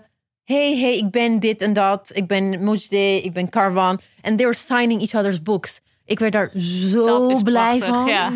Ik zag ook Mariam's moeder was er ook. Ja. En iedereen ging naar haar toe. Van dag, leuk je te ontmoeten. Dus de, fact that people were like together, dat togetherness. eh, en dat gedeeld pijn, ook gedeeld joy en laughter en plezier is. Dat lees je denk ik terug in de boeken, maar ook in dat fysiek samen zijn. Ja. En dat kwam heel erg goed naar voren. En dat vond ik echt, dat vond ik zo, zo mooi om te zien. Voor mij is het denk ik heel vaak, heb ik me thuis gevoeld als ik weg van thuis was, eigenlijk. Dus ik heb een, een jaar in Canada geleefd. Ik heb een half jaar in New York geleefd. En op de een of andere manier ehm, viel ik daar minder op of zo. In hele grote steden. En dat, dat de community om mij heen gewoon mij heel erg accepteerde. Ik heb bijvoorbeeld in New York, eh, ik was daar voor exchange. En ik zat in een klas met eh, bijna allemaal zwarte vrouwen. En die, en die hebben mij echt een soort van een warme, warm bad was het of zo. Waarin ik terecht kwam, waarin ik niet hoefde uit te leggen wie ik was. En dat alles oké was, zeg maar. Dan de vraag, waar kom je vandaan, zeg maar. Was dan voor hun niet, eh, wat is je nationaliteit? Waar kom je echt vandaan? Dat was hem niet. Het dat was hem niet, Nee, maar het was zo van... Vertel mij wie jij bent. je verhaal. En dan zei ik, nou, ik ben Nederlands, maar ook Iraans. En dat was ongeveer, dat, daarvoor deed ik dat niet echt. Maar door hun heb ik geleerd dat het oké was om beide te zijn. En dat, dat voelde voor mij voor het eerst dat ik echt dacht, eh, een soort van rust kon vinden. En ook eh, dat gevoel krijg ik ook als ik met eh, de andere auteurs ben. Of als ik met eh, mensen ben die mij gewoon begrijpen. Dus voor mij is thuiskomen heel erg de mensen waar ik me veilig bij voel, waarbij ik me voel dat ik mezelf niet hoef te verantwoorden voor wie ik ben. Dat ik in alle facetten oké ben. Dus dan kan ik lekker die eh, keiharde feminist zijn en tegelijkertijd ook mijn eigen cultuur uitdragen. En dat er dan een safe space is voor gewoon zijn wie je bent. Precies. Dat je een soort van dialoog aan kan gaan die zonder woorden kan gevoerd worden. Soort Mooi. van. Ja. Vind ik dat. Ja. We hadden ook nog een vraag over een van de woorden op de achterkant, namelijk het woord niet-westers. En daarover zegt iemand: Ik vind het een lastig begrip, omdat je dan redeneert vanuit het dominante Westen. Vanwaar de keuze voor de term. Westers vind ik overigens ook lastig, omdat het zo diffuus is. En toevallig zag ik vandaag, ik weet niet of je, heb je dat ook gezien op Twitter? Ja, Dat ik, ik, kaartje van Suzanne Bonjour. ja, Saskia Bonjour. Saskia Bonjour, Ja. sorry. En, heb je eh, het gezien? en de verwijzing naar Wikipedia over wat precies dan westers is. En dat het een totaal onduidelijk iets Het- is. Die, die tweet eh, is dus eh, een wereldkaart. En dat is dan aan de hand van eh, CBS-onderzoek. Ja. Oh ja. Hebben ze ingekleurd wat dan zogenaamd Westen is. westers is. Japan is volgens mij ook Nederland. Westen Nee, volgens nee, dat, daar is dus discussie over of dat erbij hoort of niet. Nee, nee, kijk, officieel is Indonesië en Japan Hoort westers. Ja, en Israël ook. Maar was het bij Indonesië dan niet weer de mensen die dan Maar eh, Suriname na, niet, hè? na of voor 1950? Nee, nee, of- Indonesië als land is een westers land. Oké. Dus je bent, als je uit Indonesië komt, ben je een westers allochtoon. Tenzij dat definitie veranderd is. Maar als je gewoon naar cbs.nl gaat en gaat zoeken... westerse allochtonen en niet-westerse allochtonen... die indeling, Japanners en Indonesiërs horen bij eh, westerse allochtonen. En Israël ook. Maar eh, Turkije niet, terwijl Turkije dichter bij Europa is dan Israël. Dat bedoel ik. It's, it's a very colonial, it's a very white supremacist construct. Maar het bestaat wel. Mhm. Het, nogmaals, het, en, en the thing is, het is we, we hebben daarvoor gekozen om, dat, om het boek uit te leggen. Maar wat wij, hoe wij onderling met elkaar praten, nogmaals is in het Engels tegen de Global South. Dan refereer je aan jezelf like from the of the South-South connection is, is, is, is een, een, een slang. Dat is de internationale. ja, de internationale van de, als je zegt South-South, dan weet, dat, weet iedereen waar je het over hebt. Hmm. Dat is gewoon een, En dat is dan on- onder het is de niet. Eurocentric, ja. Ja, Ja, maar het- ook weer niet, want eh, Australië. ja, precies. Eh, maar dan, kijk, het is, het is niet fysiek, het is een state of mind. Ja, Ja, Maar ja, dat ja. is sowieso, er zijn meer van dat soort constructies. Midden-Oosten, in het Ja. midden van wat? Ja, Midden-Oosten in het midden van. Mm. Ja, daarom dus. Maar het zijn de constructs waarbinnen we functioneren. So we have to, we have to like make it clear. ja. Maar terwijl bijvoorbeeld Jaël is wel, so she's uh, Israëli. Maar officieel is ze wel Westers. Maar hoe ze in Ne- Nederland is, she's racialized because of how she looks. Ja. Eh, en, en, en, en daarnaast ook gewoon antisemitisme. Daar heeft ze ook een heel goed stuk eh, op dipsaus.org geschreven notes. erover.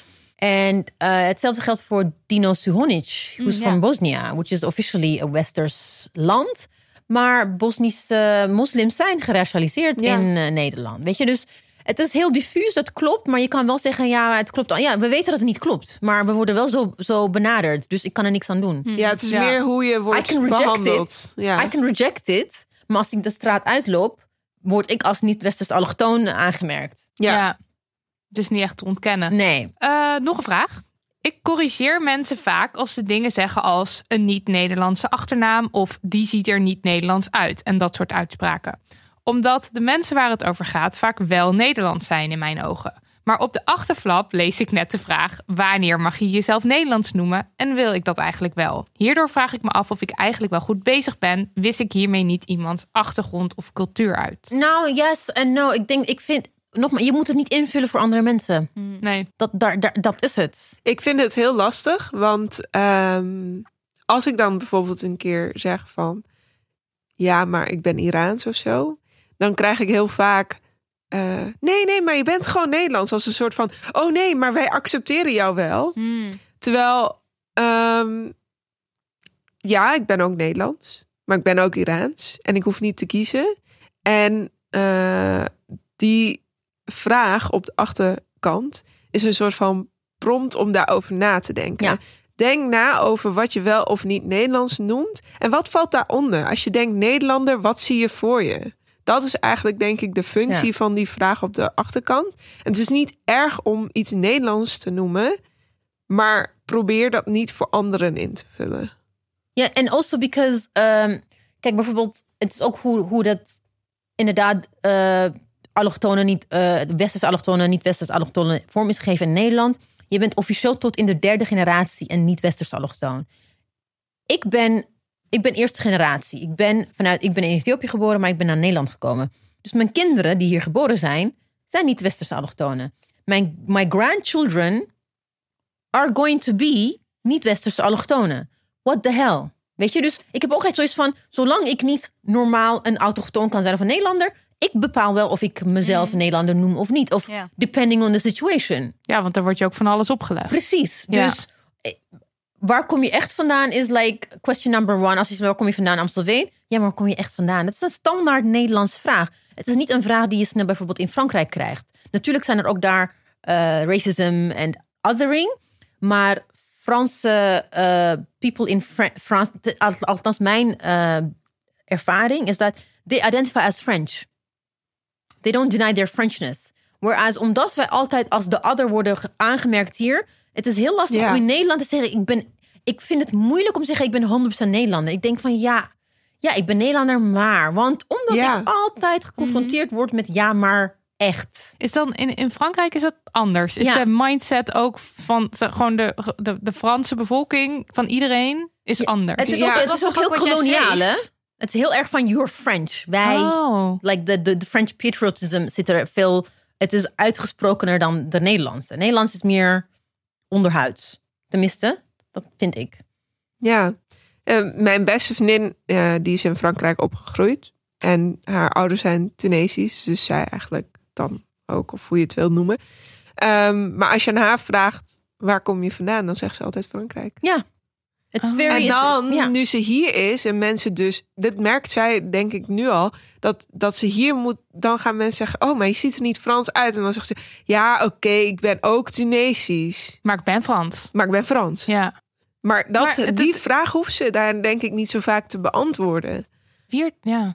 Want en ik wij- weet niet want- waar het aan ligt. Want Nederland heeft natuurlijk net, net zo'n koloniaal verleden. En, en, en dat, dat, want Suriname en, en dat was ook heel lang Nederlands grondgebied. Maar het wordt Ja. niet gezien nu als dat je, als je uit Suriname komt, dat je Nederlander, of tenminste als je Nee. als, als iemand met een met Surinaamse roots wordt geboren in Nederland, dat je dan Nederlander bent. Nee, dat is het hele probleem met die term. Is dat het gewoon heel erg slaat op.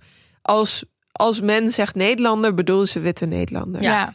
En dat is een beetje de, de kern van, Daarom. van het probleem. Is dat, daarom zeg ik, als je zegt Nederlander, wat zie je dan voor je? Als je je ogen dicht doet en je zegt Nederlander, welk beeld komt er eh, in je op? Bij mij zelfs ook een witte Nederlander. Mm, Ja, wit, En dat is gewoon iets wat geïnternaliseerd Ja. is. Ehm, en wat wij denk ik allemaal een beetje lastig vinden. Om jezelf volledig Nederlander te noemen. Terwijl je hier opgegroeid bent. En eh, er gewoon helemaal bij hoort in principe. Maar je hoort er niet echt bij. Want omdat je er anders uitziet. Word je altijd bevraagd van... Maar wat je nog meer dan? Want dat heb je Ja. bijvoorbeeld, Amerika heeft dat ook heel sterk, wat Frankrijk heeft. Even if within, within its extremely complex and blatant racial, um, hoe zeg je het, issues. Americans are Americans. Zelfs gewoon mensen die daarheen immigreren, dat hele Amerikaanse melting pot van je bent nu een Amerikaan is, is een, een soort way of life. Het is, het is een, een, een, een- en dat heb je gewoon, Nederland heeft dat gewoon niet.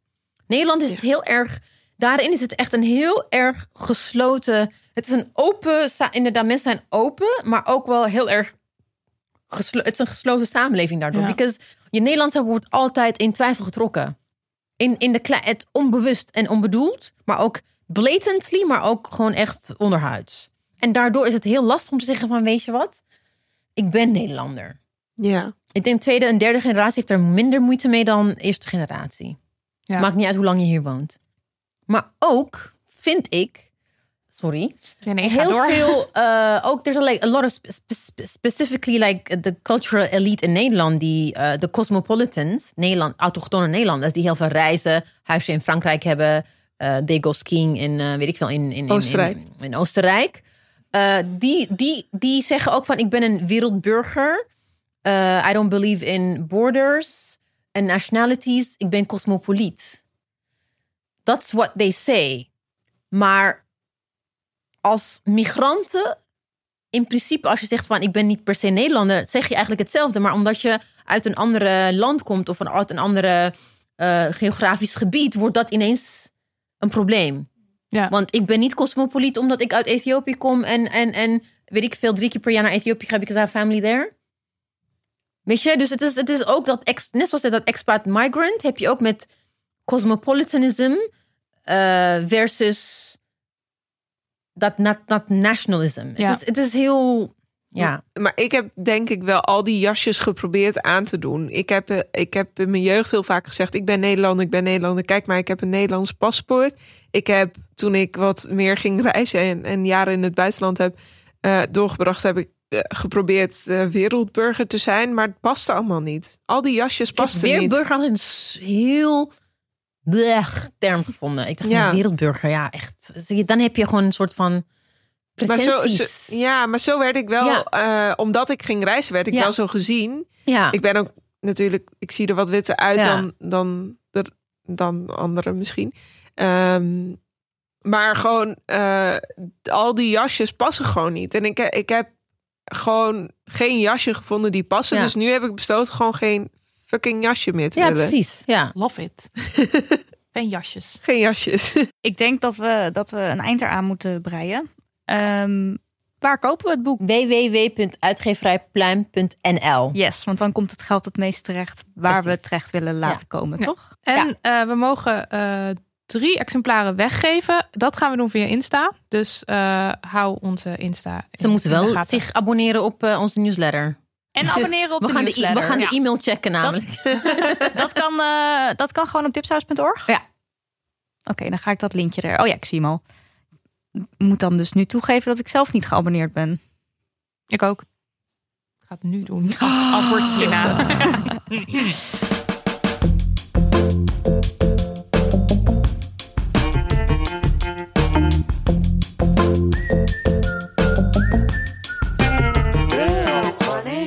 Tijd voor onze afsluitende rubriek de Damn Honey No. Iets waar we de afgelopen tijd boos van werden. En de Damn Honey Yes. Iets waar onze feministische harten sneller van gaan kloppen. Marilotte, wat is deze week de No?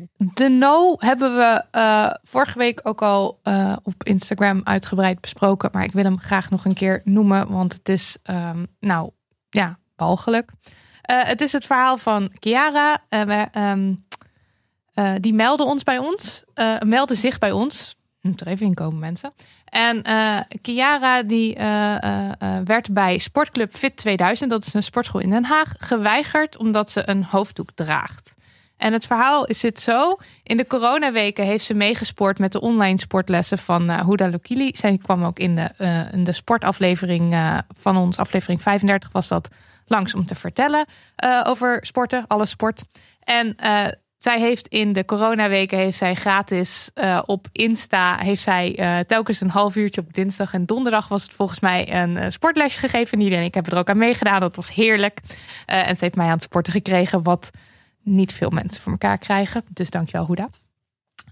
Maar Chiara, die deed dus ook mee. En die was zo gemotiveerd geraakt door de sportlessen van Huda, dat ze op een gegeven moment dacht: Weet je wat, het is gewoon tijd voor een sportschool.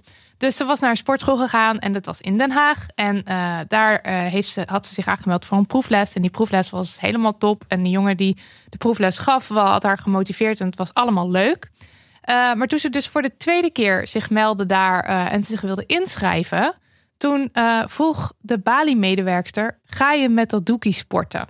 En daarmee verwees ze dus naar de hoofddoek van Chiara. En ze droeg op dat moment een sporthoofddoek. Dus het is gewoon een, een, een hoofddoek die gemaakt is om veilig te sporten. Toen vroeg ze ook, wat bedoel je? En dat was dus inderdaad, het ging over de hoofddoek. Eh, ze had de sportles, dit is gewoon eventjes nog een detail. De sportles Zou niet ze uit moeten maken, maar... ja. maar toch eventjes Mhm. om duidelijk te maken hoe kut het is.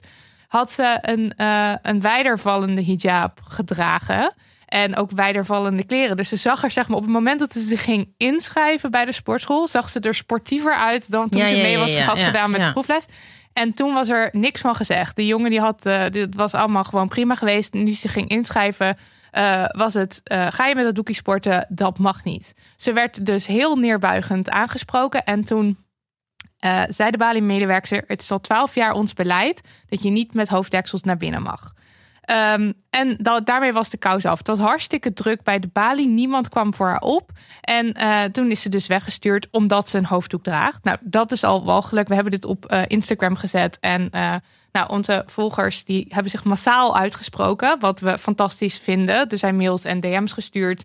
Ehm, Gebeld. Gebeld. Niet, ja. En ik was niet de enige, ook volgers hebben gebeld. ja. Maar En- ze wilde niks zeggen aan En dit is telefoon, dus eh, wat het nog erger maakt, is nu de reactie van de sportschool. Want er is geen reactie op ons. Ze hebben niet op ons gereageerd. Maar wat ze wel hebben gedaan, is hun Insta-handle aangepast. Zodat ze hun- onze linkjes niet meer werken. Ja, de meldingen eh, uitgezet. Je kan niet meer reageren onder hun foto's. Eh, je zich, Facebookpagina verwijderd. ja, ze, dus ze zijn dus zeg maar, ze hebben zich zoveel mogelijk onzichtbaar gemaakt. Ze hebben een ehm, statement naar buiten gebracht waarin ze gewoon leugens verspreiden. Ja, maar dat statement, voor de duidelijkheid, hebben ze niet naar buiten gebracht. Ze hebben naar volgers van ons die zich kritisch hebben uitgelaten, hebben ze een DM'tje gestuurd. Ah. Dus Ja. zij hebben op geen enkele manier geoond wat er aan de hand is. Ze hebben het niet naar, bui- ze hebben het niet naar buiten gebracht. Nee, dat is Ze hebben ja. om een soort van Ja. het kalm te houden, hebben ze sommige mensen een berichtje met leugens gestuurd. waarin ze naar Chiara verwijzen als een soort als een boze ex. Ik begreep er eigenlijk ook helemaal niks van en het sloeg nergens op. En ze Eh, zeiden dus van het is niet waar. Je mag gewoon wel sporten met hoofddoek bij ons. Ja, en eh, eventjes nog over dus dat hoofddekselverbod wat dan aan de hand zou zijn, klopt ook helemaal niks van. Want op de, hun eh Insta-pagina, toen we er nog op konden, we hebben er screenshots van, zie je overal petten en eh, kerstmutsen Ja, zelfs, precies. bandana's. Ja. Het is, Hebben ze allemaal weggehaald, hè? Ja. Ja, Zo, die hebben dus ze ze weten gewoon donders goed wat ze aan het doen zijn. Ja. Ja. En eh, nog een ander feit wat wij toen niet op Instagram hebben gezet, is dat een andere vrouw heeft gebeld na Chiara's verhaal voordat wij het online zetten. Zij heeft gevraagd: Hallo, mag ik bij jullie sporten met een, met een sporthoofddoek? En toen zeiden ze: Nee, dat mag niet. Dus in die week weten wij 100% zeker dat het dus sowieso twee keer iemand geweigerd is. Dus het is ook bullshit dat het misschien per toeval of whatever een Ja. foutje Ja. of, of hoe ze Nee, het ook maar nu weg willen. Ja. Het is fucking racist. Ja. Ja. Eh, ja. En eh Chiara heeft contact opgenomen met juridisch loket. En goed. ook gemeld bij eh, Den Haag Meld. Het is antidiscriminatiepunt. Dus ze is ermee bezig. Eh, we houden het ook in de gaten. Eh, maar ik wilde het toch nog even weer in de podcast op een rijtje zetten. Want het is zo'n dikke vette no. Ja, en misschien Chiara ook- die hoopt ook Misschien dat- moet, het is Den Haag, toch? Misschien moet ze contact opnemen met de Haagse Stadspartij. Fatima. Faid, Shout Out en Mariam. Ja. Ja. Misschien kunnen ze daar iets mee doen, want dit, kan, dit mag niet officieel. Nee, het mag dus Nee, ook en niet. er zou gewoon een, een officiële excuses moeten komen. Ja, en, ja. en want dit is, het is, oh, het is, nou ja. Ja, en wat Chiara dus ook hoopte is dat door, door dus nu weer dit te delen, dat mensen zich wellicht sneller uitspreken. Zowel mensen die zelf een hijab dragen als mensen die dus die naast die balie daar ook stonden, die ook het voor haar op hadden kunnen nemen. Of die Ja. Hadden kunnen zeggen van, oké, dan zeg ik nu mijn abonnement op als dit blijkbaar is wat er aan de hand is. ja. Dus nou ja. Dat, Meer van ja. dit soort, als dit gebeurt, naar buiten brengen en spreek je uit. En, en, en, want anders komen we er nooit. Nee. Eh, nu was er nog een no en die no is een collectieve no. En ik geef het woord aan Mosde. Ja. Oh jee, oké, oké. Moet ik eh, uitleggen wat er is gebeurd? Ja, een beetje. Oké. ja. Klein, klein beetje. Eh, nou, in Griekenland, in de vluchtelingenkamp in Moria, is er dus een hele grote brand geweest. Waardoor er volgens mij 13.000 mensen nu gewoon letterlijk dakloos zijn. En op straat slapen. En de situatie was al was het, heel ja, precies. Om niet eens te spreken over hoe erg het was. Maar het is nu gewoon echt, echt een noodsituatie. Het was al een noodsituatie, maar nu is het gewoon een soort van noodramp eigenlijk. Waarin er 13.000 mensen geen huis. Sommigen hebben dagenlang al niet gegeten. Niet, ze hebben geen eh, water. Ze hebben gewoon helemaal, helemaal niks. Ze zijn gewoon, ja, nou, ik, Ja, het is meer, als je het in woorden zegt, dan heb Ja. je het gevoel dat het niet overkomt. Ja. En Nee. ik weet precies wat je voelt, want het Ja. is echt duizenden mensen op straat en voelt niet als genoeg. Ja, precies. Ja. Dus je kunt het gewoon niet in woorden, in beeld, je kunt het gewoon niet uitleggen. Het is gewoon een ramp. Eh, en eh, mijn no is een hele dikke no naar onze overheid, die besloten heeft ehm, vluchtelingen als een soort van carol te zien, die ze mm, kunnen, waar ze zeg maar als een soort van quotum naar kunnen kijken van hoeveel Ehm, vluchtelingen gaan we opnemen. Eerst was er volgens mij sprake van dat we het helemaal niet gingen doen. Toen hebben ze toch over ge, eh, gedebatteerd of emoties eh, gestemd, weet ik veel wat. En eh, besloten dat we als wijze van uitzondering dan toch maar heel erg over ons hart strijken en honderd Als mensen weldoeners. ja. als ons geweldige land eh, toch maar honderd eh, mensen eh, gaan opvangen. 113.000 mensen zijn Ja. dakloos. En die, maar- die komen af van, dan, van de 500 die ze daar Precies. zouden gaan opnemen. ja, dus dit het gaat ook van een soort, ja, het gaat soort van een quotum van we mogen zoveel, eh, we gaan zoveel ehm, eh, mensen ehm, binnenlaten. En eh, nu maken we een uitzondering, wat helemaal geen uitzondering is, want je gaat alsnog van die quotum afhalen. Eh, we gaan 100 mensen opnemen en dan bijvoorbeeld iets van de, van de freaking VVD van kijk, we zijn nog wel heel streng met ons beleid en we gaan wel heel goed kijken naar, eh, naar eh, wie er komen. En als dan familie volgt van die honden, dan gaan die ook van het quotum af. Want we kunnen natuurlijk niet te veel mensen opnemen die gewoon fucking niks hebben. Verschrikkelijk. Ja, het is, het is zo bizar dat je dan die beelden ziet en dan niet denkt, hoe kunnen we helpen? Maar ga of we Hoe gaan kunnen we helpen. onze handen ervan aftrekken? Ja, Ja, het precies, is ja. echt. Zullen we helpen? Ik bedoel, mensen gaan letterlijk dood. Zullen we helpen überhaupt? Maar we Of- gaan wel op 5 mei en 4 mei gaan we wel heel erg het allemaal weer herdenken. Ja, want dat was wel vrijheid echt is heel echt erg. een groot goed. Ja. Ja, maar het is, dat is het hele ding. Want die, die vluchtelingen worden minder dan mens gezien. Ja. Dat is, wat de over, dat is wat de overheid nu doet. Ze gaan ze als minder dan mens zien. Er zijn christelijke partijen die zo, zogenaamd voor mij eh, christelijk zijn.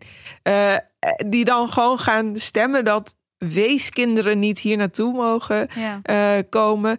Hoe ik, ik, ik, Ik kan op eh, zoveel niveaus er niet bij met mijn hoofd. Ik zag zo'n meme van een kerststal, een foto. En dan stond er zoiets bij eh, van... eh, eh, vergeet niet eh, vluchtelingen te haten... terwijl je je kerststal opbouwt van eh, twee mensen op zoek naar shelter. Ja. eh, als als Ja. christen Nee, maar het ding Ja. is, ik vind, ik vind er ook, het is ook, ik vind het heel makkelijk om over het kabinet te hebben. Maar hey, hoe voted, wie, hoeveel luisteraars Klopt, hebben jullie? ja. Wie heeft op D60 gestemd? Wie heeft op PvdA gestemd? Wie heeft op CDA gestemd? Wie heeft op VVD gestemd? Wie heeft op GroenLinks gestemd? Klopt, tuurlijk. En SP. Ze zijn allemaal, iedereen die ik opnoem, ze zijn allemaal, allemaal schuldig hieraan. Dus we kunnen ons wel boos maken, but next time, dan komt twee- 2021 eh, verkiezingen. Op wie gaan we stemmen? Weer op Secret graag, because she's a woman? Ja, maar dat, is D60. ja, maar kijk, Dus dat is het echt- hele ding. Want Ik ben er gewoon klaar mee, dit hoor. is een hu- humanitaire ramp. Maar daarvoor was het. Dit is, niet, dit Ja. is nu zeg maar zo schrijnend, schrijnend geworden dat je er niet omheen zou moeten kunnen. En nog steeds proberen ze er omheen te gaan. Maar daarvoor was het al erg. En daarvoor zijn er al beslissingen gemaakt waardoor het zover is gekomen in alle EU-landen. Ja. Dat- en dit is iets dat al jarenlang aan de hand is. En vier jaar geleden hebben we- met z'n allen gestemd. Op wie hebben we gestemd? Dus Ja. kijk ook gewoon even hand in eigen boezem.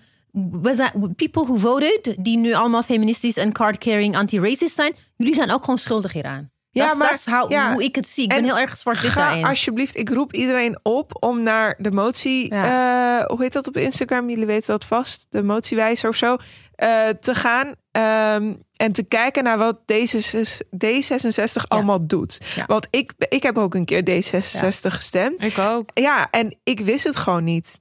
En het is niet meer de tijd om eh, onschuldig te zijn en te denken van, oh, maar ik wist het niet. Nee, nu weet je het. Je hebt het gehoord. Ga lezen. Lees je in. Please, please, please, please. Want ik ben, ik ben er hier heel hard in, ik ben, ik ben een kind van een vluchteling. Dus ik ben, voor me, it's black and white. Ja. Same. Dus je kan niet zeggen, je, je, can't, je, je kan niet alleen maar een zwart blokje op je Instagram zetten of eh, BLM tweeten en op de Dam of wherever zijn geweest, eh, alle elf steden. En dan, het, da- daar houdt het niet op.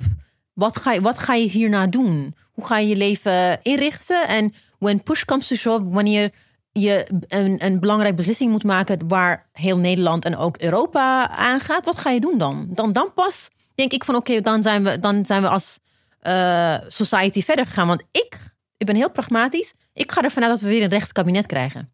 Hm, Daar ja. ga Ja. ik gewoon Ja. bijvoorbeeld al uit. Even, mocht je, mocht So I je persoonlijk iets willen doen voor eh, Moria, dan kun je doneren. Eh, je hebt de organisatie Because We Carry. Die zijn daar, dat zijn volgens mij vrijwilligers die Ja. daar eh, on, on- zeg maar, op de plek zelf aan het kijken zijn waar nu het meeste behoefte aan is. Eh, je kunt doneren aan Vluchtelingenwerk Nederland. Ik zag ook een petitie langskomen en er zijn allemaal protesten.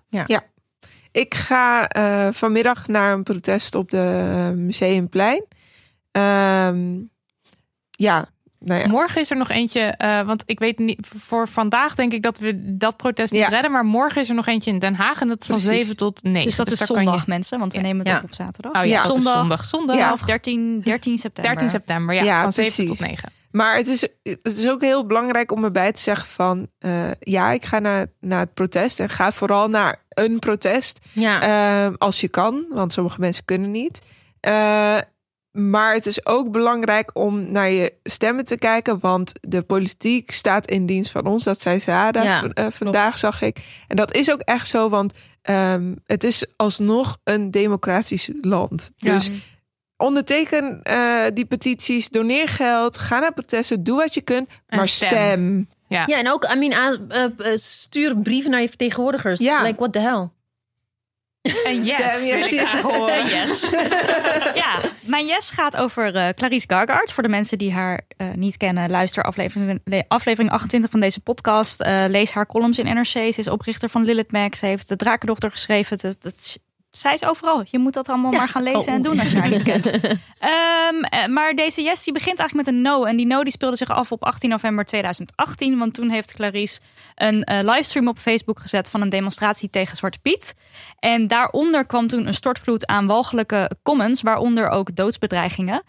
Daar heeft ze aangifte van gedaan. En dan komt nu de yes eh, met resultaat. Want het Openbaar Ministerie die gaat 25 afzenders eh, voor onder meer opruiing en aanzetten tot haat, discriminatie of geweld eh, vervolgen. Eh, maandag is de eerste zitting en dan de rest eh, volgt dan in de dagen daarna. En de advocaat van Clarice, dat is Sydney Smeets, die heeft ook aangegeven dat het dus... Het is iets bijzonders dat dit nu gebeurt. Wat eigenlijk heel kut is Mm. dat het zo bijzonder is. Maar de politie die ziet er meestal niks in, zei hij. Omdat het veel tijd kost om uit te zoeken wie die mensen zijn Ja. en wat ze precies hebben gezegd. En het is goed dat dit nu wel gebeurt. Mensen moeten zich realiseren dat dit niet zomaar kan. Dus dat het nu gebeurt is een yes. Maar dat het natuurlijk nodig is, is Ook een no. Eh, ja, No het, is het is eigenlijk één grote no. Ja. Maar yes, dat er, dat er eindelijk zeg maar iets gebeurt. Ja. En dat is echt erg dat we dan het op nog gaat yes komen, dat weten we nog nee, niet. Precies, maar, Maar maar yes, dat er dat het stappen worden ondernomen. wordt. Ja. En sowieso een yes voor Clarice. Ja. Sowieso. Absoluut. Ja. Duizend yeses. Dit was aflevering 50. Morste en EBC, dank jullie wel. Dank aan de Fabulous 3. Daniel van der Poppen voor je editwerk. Lucas de Geer voor je jinglewerk. Lisbeth Smit voor je websitewerk. En opnieuw een special shout-out. En wel naar Annabel Nijhoff, die in de afgelopen weken in haar eentje heel aflevering 23 over niet-moederschap heeft getranscribeerd. Wat een monsterklus. Annie, we love you much. Als jullie denkt, hey, dat wil ik ook wekenlang typen. Er zijn nog genoeg afleveringen die niet getranscribeerd zijn. En in ons eentje kunnen we het niet. Dus als je wilt helpen, meld je vooral in onze Slack. De link naar de Slack vind je in de show notes. En de show notes van deze aflevering zijn te bewonderen en te belezen op damhoney.nl slash aflevering 50. Lief honingballetje van ons. Fijn dat je er weer was en dank voor je luisterend oor. Je mag ons mailen. Mag dat eigenlijk nog? Op info.damhoney.nl als je dat nog durft naar mijn relaas van het begin van deze aflevering. Nee, love, you alle, love jullie allemaal. Probeer het misschien kort te houden. Ja, Verwacht niet altijd een reactie. Ja. Love you. ja of, of mail niet. Zelf weten. Ja, doei, mupkes. Joejoe. Doei.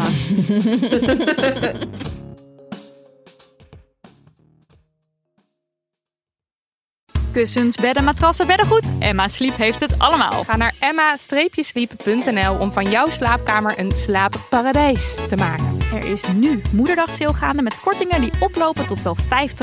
Gebruik de code DAMHONEY voor nog eens 10% korting daarbovenop.